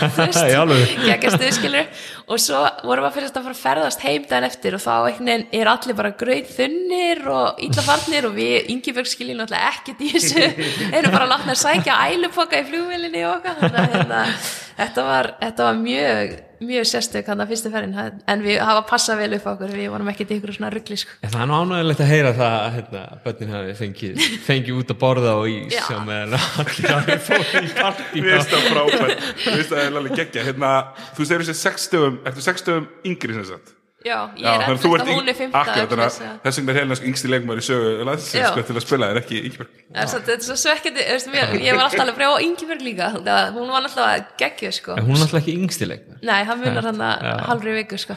En svo var náttúrulega bara mjög fljótlega þá kemur Bryndís og Maja líka inn í þetta sko. hvort það var bara strax næsta sumar eða sumar eftir þannig að við vorum náttúrulega gríðlega sterkur árgangur þessu 88 og vorum hann að Norrlandameistarar og eitthvað svona Já. þannig að, þannig að já, við vorum svona fljótar að taka yfir. Varst ekki Skania drottning hann Jó, einhverju tímafóti Já, sko, Þetta er 2002 sko. já. Það er helviti stert sko, að vera með 18 ára landsinsferil hérna, hvað, 32 ára? En ég er ekki með flesta leiki. Nei, ekki en þá Vantar, hvað, tvo? og hérna að vanta tvo yfirbætt eða þrjá til þess að vera fyrir ofan hana sko. það er Já. náttúrulega, ég get ekki hægt fyrir að það er komið. Nei, þú veist, þetta er landslið í gegnum árnin Þú, það er minnast Þið vinnið sexinum silfur á smáþjóðleikum já. Hvað er að gerast? Sex silfur? það er alltaf eitthvað sem gerist Já. hann að sko, við náttúrulega eins og núna seinast erum við að spila múti svartfjallalandi sem er lið sem fyrir á Eurobasket, Já, þú veist, sem að við reyndar lendum í hörku leika múti mm. og vorum bara, bara sorglega náldi að vinna þær sko smáþjóðleikunum þar áður, ég man alltaf eftir því þá var þrýr mánuðir sín átti stelpunum mína Já. en ég hann að fyrir með liðinu og, og ég meittist á, á skotæfingu fyrir leikin gegn Möltu. Við töpum honum svo Mm. vinnum við restina á mótinu. Og Malta vinnur. Þetta var alltaf eitthvað svona, veist, það er alltaf eitthvað, eitthvað eitt leikur sem við náum að tapa sko. Vantar eitthvað upp á? já, það er ég hérna e, sko, það var eiginlega, ég maður sé mest eftir þessu San Marino leikum hann að sínast uh, núna í ár var eiginlega bara, þú veist, maður viss alveg þú veist, það er erfitt að vinna þær. Já. þetta var lið sem að við höfum verið að spila við í undankefninu og svona, vissum alveg að þær voru drullu góðar en voru samt svo ókslega nála því að þetta var svona smá svekka eftir á sko. Já. en já, silfur, ég hef farið svona oft og það er alltaf silfur mjög, mjög fúlt sko. Sex, sko. ég fann landsinsópin frá 2002 sko. já, og það er sko hérna, þetta er svo langt síðan að það er hérna, le leikmaður hérna, Þórun Bjarnadóttir frá Íþróttafélagi stúdenta er í liðinu sko. Já, og Íþróttafélagi Já, stúdenta spila spilum- sko 2006 Já, ég spila ofta mútið í IS, það, Það eru var alveg það er lið, sko, sko, já, já. alveg, sko. Signi Hermanns var hana. Já, þetta er hérna þetta er, þetta er, þetta er legend sko. Það er já, Hildur sig og, og hérna, þú sér, maður sér þetta þegar þú byrjar í landslið, þetta er bara svo gaman að sjá þetta sko, þegar þú byrjar í er Hildur sig með átjánleiki sko, Já, En þetta uh, er gott. 18 ára landslisferill og samkvæmt okkar kokkabókum að þá, hvað er það ekki?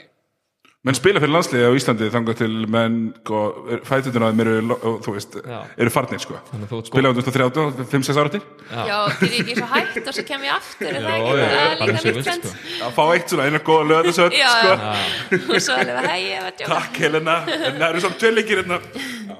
En hvernig finnst þér, nú er þetta, þú veist, telur þetta tæpa tvo ára tíu, hvernig finnst þér þróun á liðinu hafa verið? Ég meina, frá því liðu sem kemur inn í og liðu sem ert í dag hérna?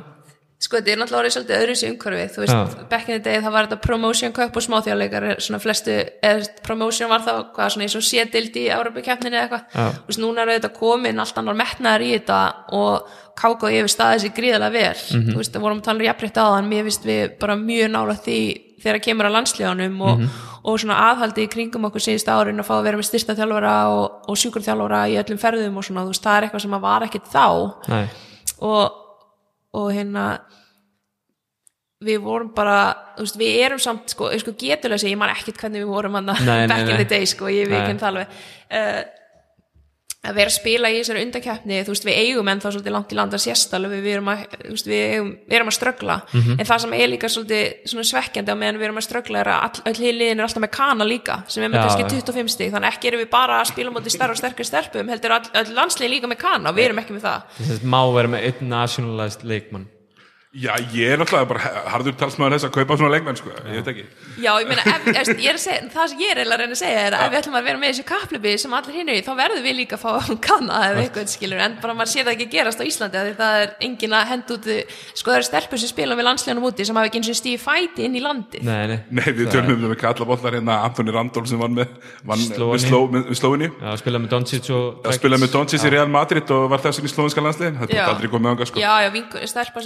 sem að í í er Ali Kvikli, hún fekk ungverskan passa og þú veist, hún þurfti ekki að gera neitt nema bara, herri ég fekk passa og ég þarf að spila með landsliðin tvö ár í staðin en svo erum við passa og þá fara miklu betur borgað í Európu eftir það. Já, já, Ég var Þetta náttúrulega- fleiri sögur, sko. Ég var alltaf límdur við skjáinu dag þegar ég horfði Ali Quickly vinna minn mann Chris Paul í Asna. Það var hérna eina sem, eina sem NBA-dildin hefur bóðið upp á í síðustu mánuði, það var Asni og Ali Quickly fór hann í úslit þetta Það tapaði þinn maður. Já, það, það Já. þetta En uh, já, þetta, þetta nationalized dæmi, uh, þú veist, erum við eitthvað að sjá, sjá þetta fyrir okkur gerast? Köllum enn og aftur á Kára Stefansson fjármagna þetta Já, Já. Uh, hérna, gerum það í hverju þætti sko að fá Carmen Tyson Thomas taka passan. Nei, ég segi svona, eða einhvern bara, þú veist, það er, nú, það er mikið af, hérna, góðum bandarískum leikmennum sem, sem að eru hérna lengur heldur en eitt ár, sko. Já, ég meina, stel, alveg stelpum megin, þú veist, og Já. Kristinn er búin að vera, en svo að því hún fór hann í smástund í burtu, þá er hann bara neitað að fá ríkisborgrétt þegar hún sótti um hann. Rodríguez er náttúrulega búin að vera enn núna í einhver ár.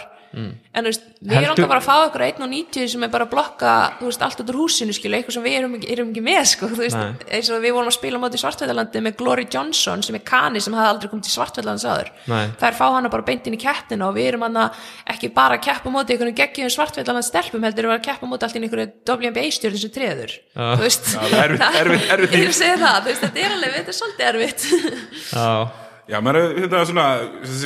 svona, síðustu landsleikin sem ég fara á með, hefur, þá hefur, hefur svona, það hefur verið erfitt fyrir, fyrir liðið að elta til dæmis þryggjastæðskiptur hérna liðana og það hefur verið, sko, þær eru oft hérna með svona ofurfljóta bakkara sem sko trubla á að leiðin upp völlin og, og svona. það sem er líka, það sem hefur háð okkur er, við erum ekki margar, nú erum við stelpur sem að fara í college sem að spila ekki með okkur. Leiðum við missum tvær, kannski tvær þrjáru byrjunarlinu, þá erum við þetta veikari uh, þú veist, poingardanir á hinu liðanum eru yfirleitt tvöfaldar í stærð eða, og þygt aðalega, þú veist, með að við okkar stelpur. Þú veist, þannig að þetta er þetta bara veist, og svo fáum við, þú veist, tvo max fjóra leiki á ári, þú veist, hvað ætlist þið til af við fáum aldrei æfingaleiki, þú veist, við hittumst ekkert, þess að núna spilum við í nóvember, ég meina, þú veist, það hefur ekki heyrst neitt og við hittum störgulega ekkert aftur fyrir bara viku fyrir næstu leiki sem er aftur í já. við hvað ég meina? Og það meðan að þú veist með fótboltalandsli ok, þú veist, það má aldrei byrja fótbolta saman við veist, ok, ég ætla samt að fara að Já. skilur, þú veist, það er hitt, þú veist, það er það eru gluggar oft yfir ári, það eru alltaf einhvern veginn að hittast og æfa saman og vita hvaða system það er að spila, hérna bara, gum, Benny Gum, bara nýr landsinsjálfari, gjör þessu vel, þið hafi viku, það vik í mót, Já, þú veist, ok, þetta það kemur aðeins niður. á- erfiðara. Og við erum að koma stelpur allstaðar af, þetta er, veist, þetta er miklu erfæður að segja það því við æfum ógeðslega lítið. Já, það kemur alltaf nýra í sama sem við talaðum á þér, að að nú verið ávikið þessa daga. Er, þetta er oft bara svona random dagar sem að, hérna, landsleikinir eru. Og, og eins og þú segir það, við köllum, köllum ekki bara eftir því. Köllum eftir fleiri, fleiri æfingarleikjum á næsta ári, því að það verður ekkert að frétta á þessu ári, köllum eftir fleiri æfingarleikjum á næsta ári og svona aðeins, aðeins svona meiri, meiri braga þessu svo líka eins og seinast þá er, þú veist, við spilum leiki deildin á laugardagskvöldi svo mætum við að landsins að einhver sunnudagsmotni mm. og á meðan flestar aðrar deildir voru bara búnar að kötta á umferðina og þær voru mættar í kamp bara strax. Já, eitthvað áður meðan við erum alltaf bara, þú veist, við erum að keira all, allstaðar af landinu og þú veist, erum að æfa bara kvöldin, þá er allir bara í kamp skilu, eru allavega að ná allavega að æfa það tvisar á dag í þessar sex dagar sem þú hefur fyrir leikin Já. og meðan við erum bara eitthvað, herrina, ég er bara drullu þreytt eftir leikin í gerkvöldi, ég þarf bara að horfa þessa þetta er alltaf svo þú veist, það var líka, okkur var staðsandi kjánlegt og meðan, hinliðin voru bara öll mætt í kamp þá voru við ennþá að keppi dildinni Þetta er klálega einhverju hluti sem að, sem að mætti, mættu fara betur allavega til þess að jafna grundvöllin á móti, liðunum sem spila á móti, heyrðis mér? Já, mér finnst það. Uh, Þú fegst nú feg, gott shoutout í dag. Var það ekki í dag? Jú, það Frá, er hérna- aldrei neitt að gera Twitter hjá mér en einu þú takaði mig hérna að ég var að koma í viðtal og svo- ekki, já, og svo kemur já, hérna, sem, að, sem að skemmtilega eina af sex, voru ekki eina af sex eina af sex bestu leikmunum sem hefur ekki spilað á lokamóti. Já, það hefur nú verið kærkomið að sjá, sjá myndina sjálfur sér. Já, já, það var auðvitað, þú veist, ég hef oft pælt í þessu þegar sundstelpunar eitthvað, þú veist, voru á ólipuleikunum að hitta, Já. þú veist, Lebron og eitthvað, hugsaði ég bara, þú veist, ó, þú veist, ég er í þrótt, ég á ekki Nei. þú veist, að vera eitt á tóliðin sem vera á ólipuleikana, en þú veist, það er auðvitað bara eitthvað, auðvitað langar maður að komast til lokamót, en ég bara, ef ég hreinskilin, ég sé það bara ekki gerast, við erum að þú veist, það eru stelpur að fara út í háskóla og við erum ekki að fara að fá þær í þessum myndakjöfnum og við einhvern veginn höfum ekki verið heppnar með dráttin Nei, uh, lendum alltaf á móti hérna einhverjum svona þjóðum sem að eiga einhvern stóran kanna og, og með einhverja góða leikmenn. Þannig að hérna, þú veist, ég sé ekki gerast in the near future en vonandi bara, þú veist einhvern tímann. Það þarf að, það þarf einmitt að detta hlutinni fyrir mann. Þú veist, það þurfi eins og íslenskan landslið komst fyrst á, hérna, katalanslið, fyrst þegar komst á Júrabasket fengu hérna, þú veist, England og, og eitthvað, þú veist, það datt alveg fyrir að það var aðeins. Já, og NBA-gæðinir spiluð ekki og þú veist, þetta var alveg, það þarf alveg svona hlutir að gerast fyrir okkur sem erum ekki, þú veist, við Ekki erum ekki fleiri. besta þjóðin í heiminum og, og þú veist, erum svona underdogs nánast í öllu sem við gerum. Já, já. það er, það er rétt. Uh, kannski færum okkur yfir í já, bara svona svona almenna pælingar. Uh, nú ertu spila með val, þú með samningar eða ekki? Já. Þú, hvernig sérðu næstu ár spilast út hér? Bara, Sko, ég, ég er 32 ára í dag já, og bara eitthvað, þú veist, næstu langelst í deildinni Já. en mér liður þess að ég geti spilað í mörg ára viðbót ég veist, Körbólti ennþá skemmtilegur fæ mikið út úr, út úr honum og svona stundu gleymi ég því en svo finnum maður þess að við töpum hann fyrir kári í undarslega bara, vá, hvað, þú veist, þetta hefur mikil áhrif á mann mm. en hann að, þú veist mér langar í annað batn en, en hérna, þú veist, ég finnst ég alveg eiga svolítið ár eftir, sko, ég ætla ekki að hætta í landslinu fyrir en ég kom með þetta að leikja mitt. Ef, að, ef ég verð valinn þá hérna ætla ég að ná þessu með Hildur að mæta eftir á æfingar. Já, ég sé hennar, ég, ég beið eftir henni, hún er alltaf, þú veist, mér fannst alltaf að hún myndi koma með comeback, sko, Já. en ég veit ekki, hún er ekki ennþá, ennþá komið, sko. Nei, en uh, sérðu fyrir þér að þú færiði meir út í nú hefur verið að þjálfa líka Já. bæði, bæði á haugunum og yngri landslið og fleiri stöðum varstu ekki þjóðlega hvað, 15 ára landslið, hvað var það? 16. Ég fylgdi sko 2000 árganginum Byrnu og þeim, þá fylgdi ég þeim alveg við 14, 15, 16 mm. og hérna og ég held, eins og ég segi, ég bara körubolti hefur verið svo stór partur af minn lífi hann er það ennþá og bara held ég mun alltaf vera sko, ég mun, þegar ég get ekki spila lengur að verið pottet í þjálfun og svoleið sko, mm. það bara mjög gaman Hérna, eru það, hérna, er, er ekki pínu gaman samt, þú veist, að vera kannski búin að vera með landsæðingu einhvern tímann um sumarið fyrir undir 16 kannski, undir, þú veist eitthvað svo leiðis og svo kannski árið setna þá ert að skóla þessar stelpur til á pósturum það er ekki skemmtilegt líka?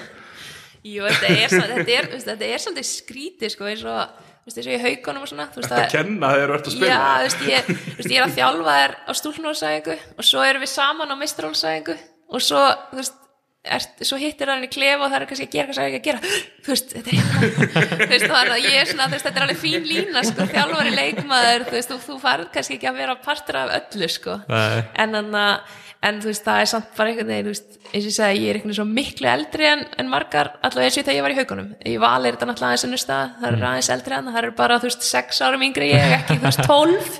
Þannig að hérna, nei, nei, þetta er, þetta er samt, þetta er fín lína sem dansar á, sko, það er svona leikmaður þjálfari. Já. Ser, serðu þið færaði meir út í, ég meina, ef þú myndir leggja skóna á hilluna eftir tvö ár, heldur þú væri líklega? Ertu Tvö ár, gefur mér bara tvö ár. Nei, ég er, ég er bara, ég er bara að segja eitthvað, getur verið átta, getur Já, verið, þú veist, þess vegna. ég spilaði eins og þegar ég var að spila móti hennar IS þá var Hatti, hún var næstu fertu held ég að hún var að spila mótinni sko.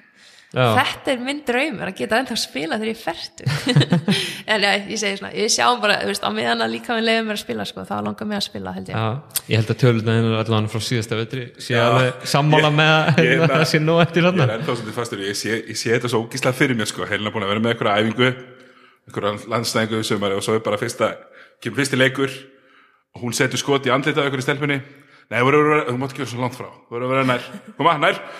Og svona aðeins að, aðeins að stríða. Ég, hérna, ég, ég kalla eftir því.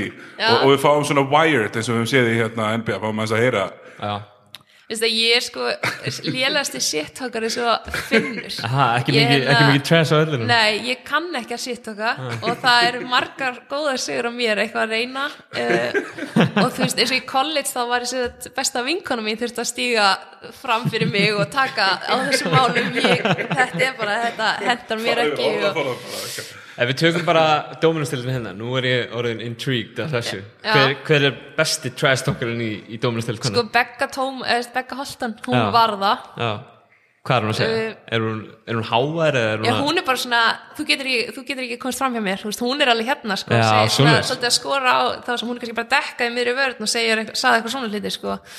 Uh, sko Kanadir eru nú yfirleitt þeir sem kannski, þú veist, tala mest ég held að sé svona meiri menning hjá þeim. Uh, ég er svona típa sem er bara svona ert að djóka, þú veist, mér finnst þetta þetta stundum svo kjánalegt sko, ég er alltaf alveg svona, ha? En ég, ég man alltaf eftir eins í haugonu sko, ég veit ekki hvort ég var að segja þessu sögu sko, ég er ekki stolt af þessu sko, þá var ég eitthvað hún var eitthvað búin að vera þú veist, lemja litluna mína. Og mér leiðir alltaf þess að ég væri mamma þeirra sko, þú veist, Ah. alltaf að vernda þér og hérna, hún var með eitthvað stæla sko, og ég saði eitthvað við hana, þú veist ef þú gerir þetta aftur að mér að mæta eitthvað sko. beint úr Disneymyndinni. Já, já, þetta var alveg þetta var mjög, þú veist, þetta er bara eins þetta er eins hart og ég fyrir sko, ég kann þetta ekki. Ég, Nei, það er kannski meira verið því að- að að láta bara leikinn tala. Já, ég, já, ég held það sko. Það er, það er ekki verra. Uh, Ef þú værir ekki Körru Knallviks leikmaður Hvað værir já, við, reglan var engar aðrar íþróttir. Já, í- íþróttir eru ekki til. Nei, það var reglan. í, já, það er reglan. Ég ætlaði að mynda bara að segja bara fótbolta Akkurat, sko, við reynum að koma vekk fyrir Hva, slíkt Hvaða sko. stöðu spilaðar í fótboll?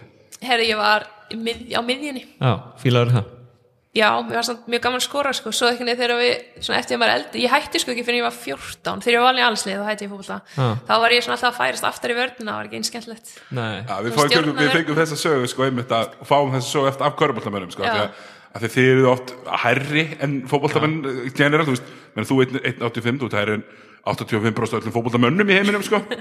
Og hérna þá, þá er svona tendensin alltaf að tróða ykkur í miðvörðin sko. Já, já, ja, það meika ná skallaboltinum og þetta, sko. En hvað þú værir ekki? sko ég er að læra kennaran þannig að ég kannski verð bara að segja að ég myndi vera kennari. Já, Mér finnst mjög gaman að gefa mér og, og stjórna fólki. Þannig að ég ætli það ekki bara. Þú veist, ég hef búin að hugsa óslega oft bara svona hvað myndi ég gera ef ég væri ekki í körfubólta og bara þetta er ekkert sniðið í hug. Ég svona 8 to 4 eitthvað skrifstöð dæmi bara ég, þú veist, gæti það ekki sko. held ekki, Við höfum verið mörg ár með hérna, stelpubúður já, það ekki ekki að Já, við varum alltaf, þú veist, það voru mína búðir og ég og Maja held það fyrst bara 2007 þegar við vorum komum heim í sömur eftir fyrsta ári í college. Uh, af því að Maja var í college í Texas líka á saman tíma ég og svona síðan þá hef ég alltaf haldið þetta og, og svona hefur verið að stækka gríðarlega mikið undanfærin ár, komið yfir 100 stelpur núna senstu þrjú ár. Og þetta er eitthvað sem ég veist bara ógæðislega gaman. Já, að hérna sko líka þetta byrja líka svolítið þannig að því þegar ég var yngri þá voru ekki eitthvað það ekki, voru ekki eins marga körfbóltabúðir í búið og eru núna. Og ég man alltaf eftir því þú veist þetta var rosa mikið svona, "Ah, við myndum ekki gefa stelpur þú veist strákandi með eitthvað stæla og ég hugsaði bara, heyrði, að vera bara stelpur í búðunum þá geta alla stelpurna notið sín. Og stelpur eru yfirleitt kurtisari og gefa actually á sig sem er kannski er ekki eins góð. Já, allavega, þú veist, eina, tvær sóknir þó þessi ekki hverju sókn. Næ þannig að hérna, þetta er eitthvað sem að mér finnst bara, ef þú þykir ótrúlega væntum og við skemmtilegt að þessi árið svona stór, stór stórt batteri Já. og hef um hugsað mikið um hvað ég get gert í sumar. Því að maður er alveg smá smegur við hvað maður gerir. Nei. en ég hlýta að geta að funda einhverja, einhverja listna málum er ekki bara fært aðeins aftur? Jú, jú, en ég er alltaf að reyna veist, vera ekki á sama tíma til þessum að KKI með sitt. Já, já, já, og þeir eru alltaf að færa sitt aftar þannig ég var eiginlega komin bara inn í skóla helgi hana senasta ári. Já. en hérna ég ætla, þú veist, mér langar að halda áfram þetta og, og ég er búin að gera þetta mörg ári raun núna. Já. þannig að ég hlýta að geta að fyndi ykkur að lesna finnur eitthvað, eitthvað með það? Já, ég. uh, Þetta eru líka, þetta er bara fresh pool af stelpum sem heilin getur látið heyra það enn á vellinum innan, innan fára ára. Það er reyndar alveg það er alveg mjög fyndi sko að eiga liðsfélaga sem hafa verið Dagga og Kristín til dæmis hafa verið að koma í þessar búðir. Já. það eru alveg stundum í ból frá mér. Þú veist það er alveg svona, svona mjög surreal bara hei þú veist hún vann þennan Gur Angels ból þú veist í asna í búðunum mínum fyrir einhverjum árum eða eitthvað svona sko. En, en það er bara skemmtilegt sko. Uh, svona svona já, við erum að síða á setni helmingi hjá okkur. Við erum svona, við bara svona sem við spyrum flesta að fáið til þess að velja draumalið samherri Þetta er með það? Ég er með það. Já, semst, eh, við erum með, við erum með nel- Ekki sponsorað af Samiri Nei, eh, kannski. Draumalið Samiri kannski, eða þeir vilja, þá heyra þeir í okkur.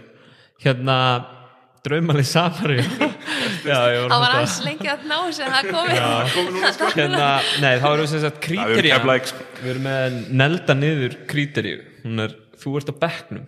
Og þegar ég sendi þetta á þig ég sendi, ég tek nú ekki venlega screenshot ég sendi sigga viðbröðin þín við því að ég sem sendi á helinu uh, við, þú, hérna fyrir upptökuna að hérna, hún eigi eftir að þurfa að velja draumalið samherja og ég segi þú ert á bekknum og ég fæ tilbaka, er ég á bekknum spurningamerki upprópunamerki Já, Ekki ég, með held, því. ég hugsaði, ok, ég vil fjóra með mér í lið, en þú vildi fimm, þannig ég skildi þetta ekki alveg hvernig já, Já, kemur svona sparkplögga bekknum já, sparkleika bekknum Já, ok.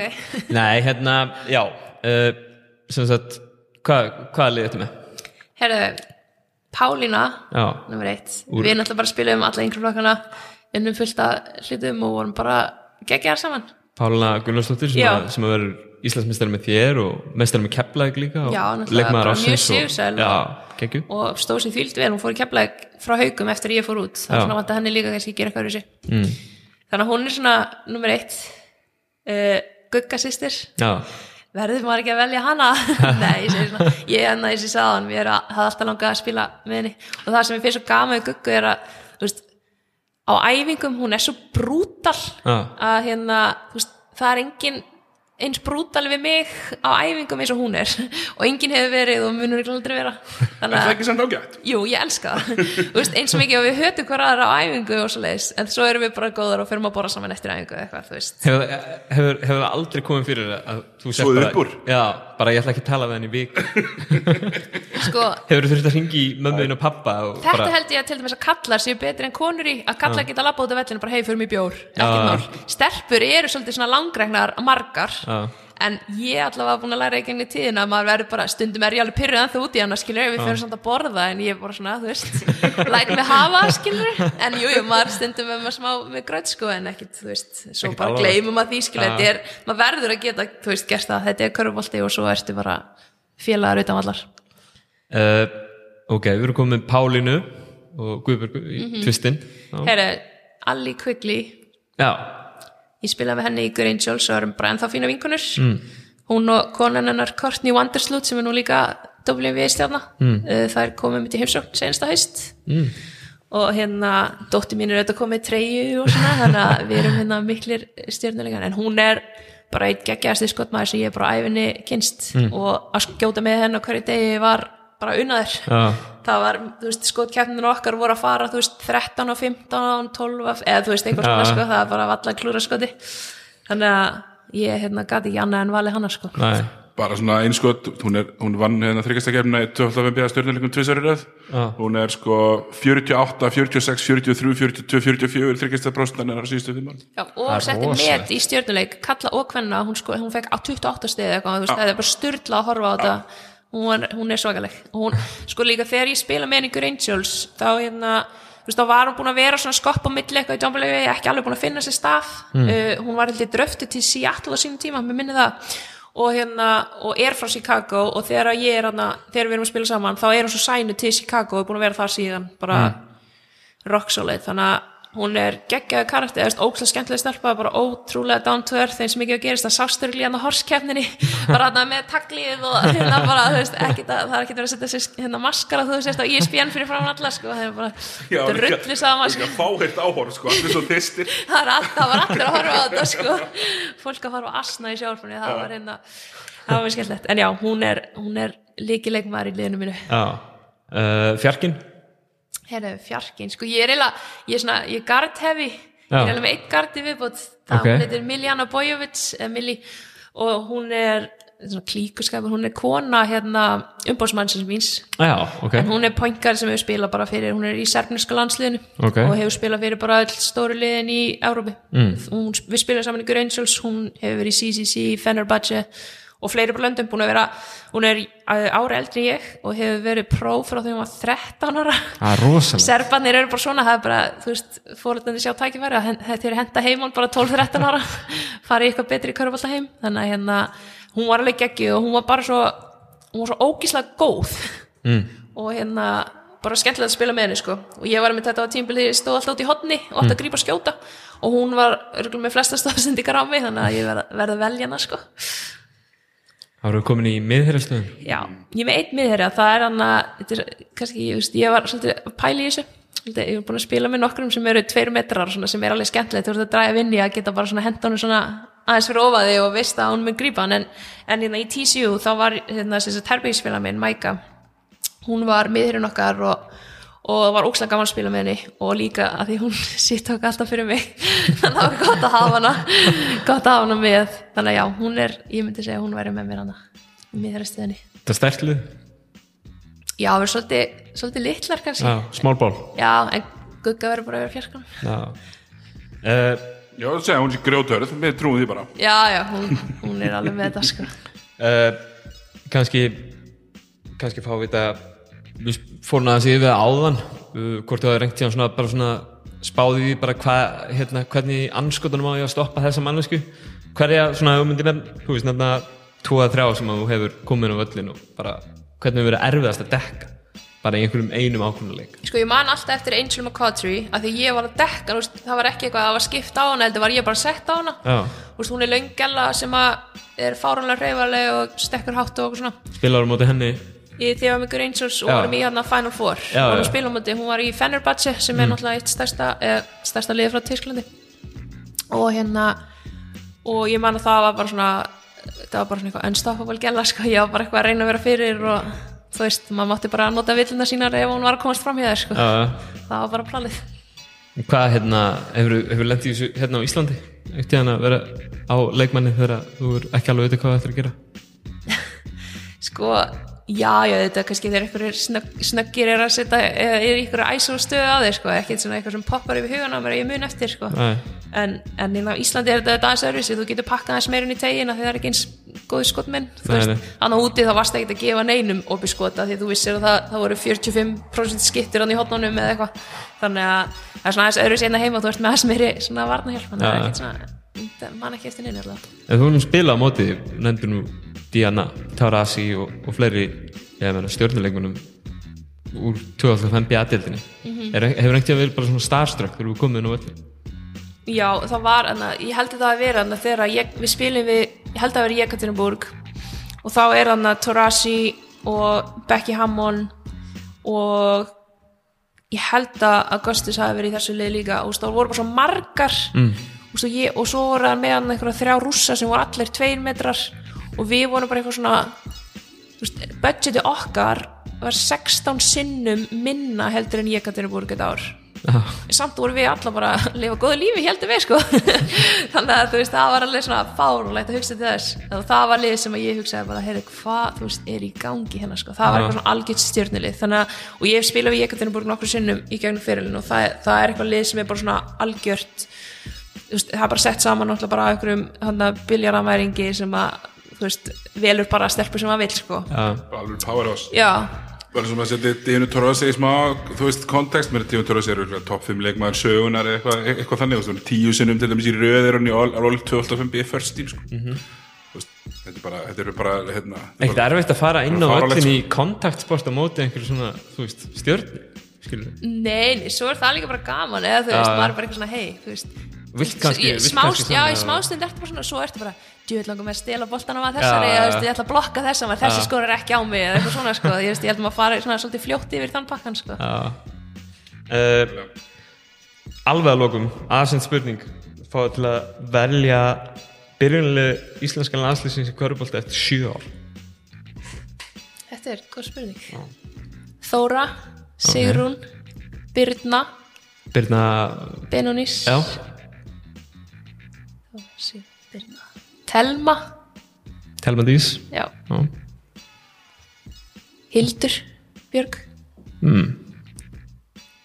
Sterkt hún er, hún er alveg, er hún ekki sálið þá? Jú, jú, jú. Ég er svo miklu eldri, skilur en það. Já. Ég er hvað, 39? Æ, Ég veit ekki, sko. Það er verður pushin eitt annað Já, þetta verður svona þetta verður allavega kveðileikurinn Nei, þannig er ég búin að hætta og ég er komin aftur og ætla að taka einn í viðbót. Já. Nákvæmlega. Komast 40 leiki Já. í metið. Uh, Búið að gott að hafa þig Helena, bara takk aðeinslega fyrir, fyrir komuna. Takk svo Það er ekki að fá þig, takk. Já.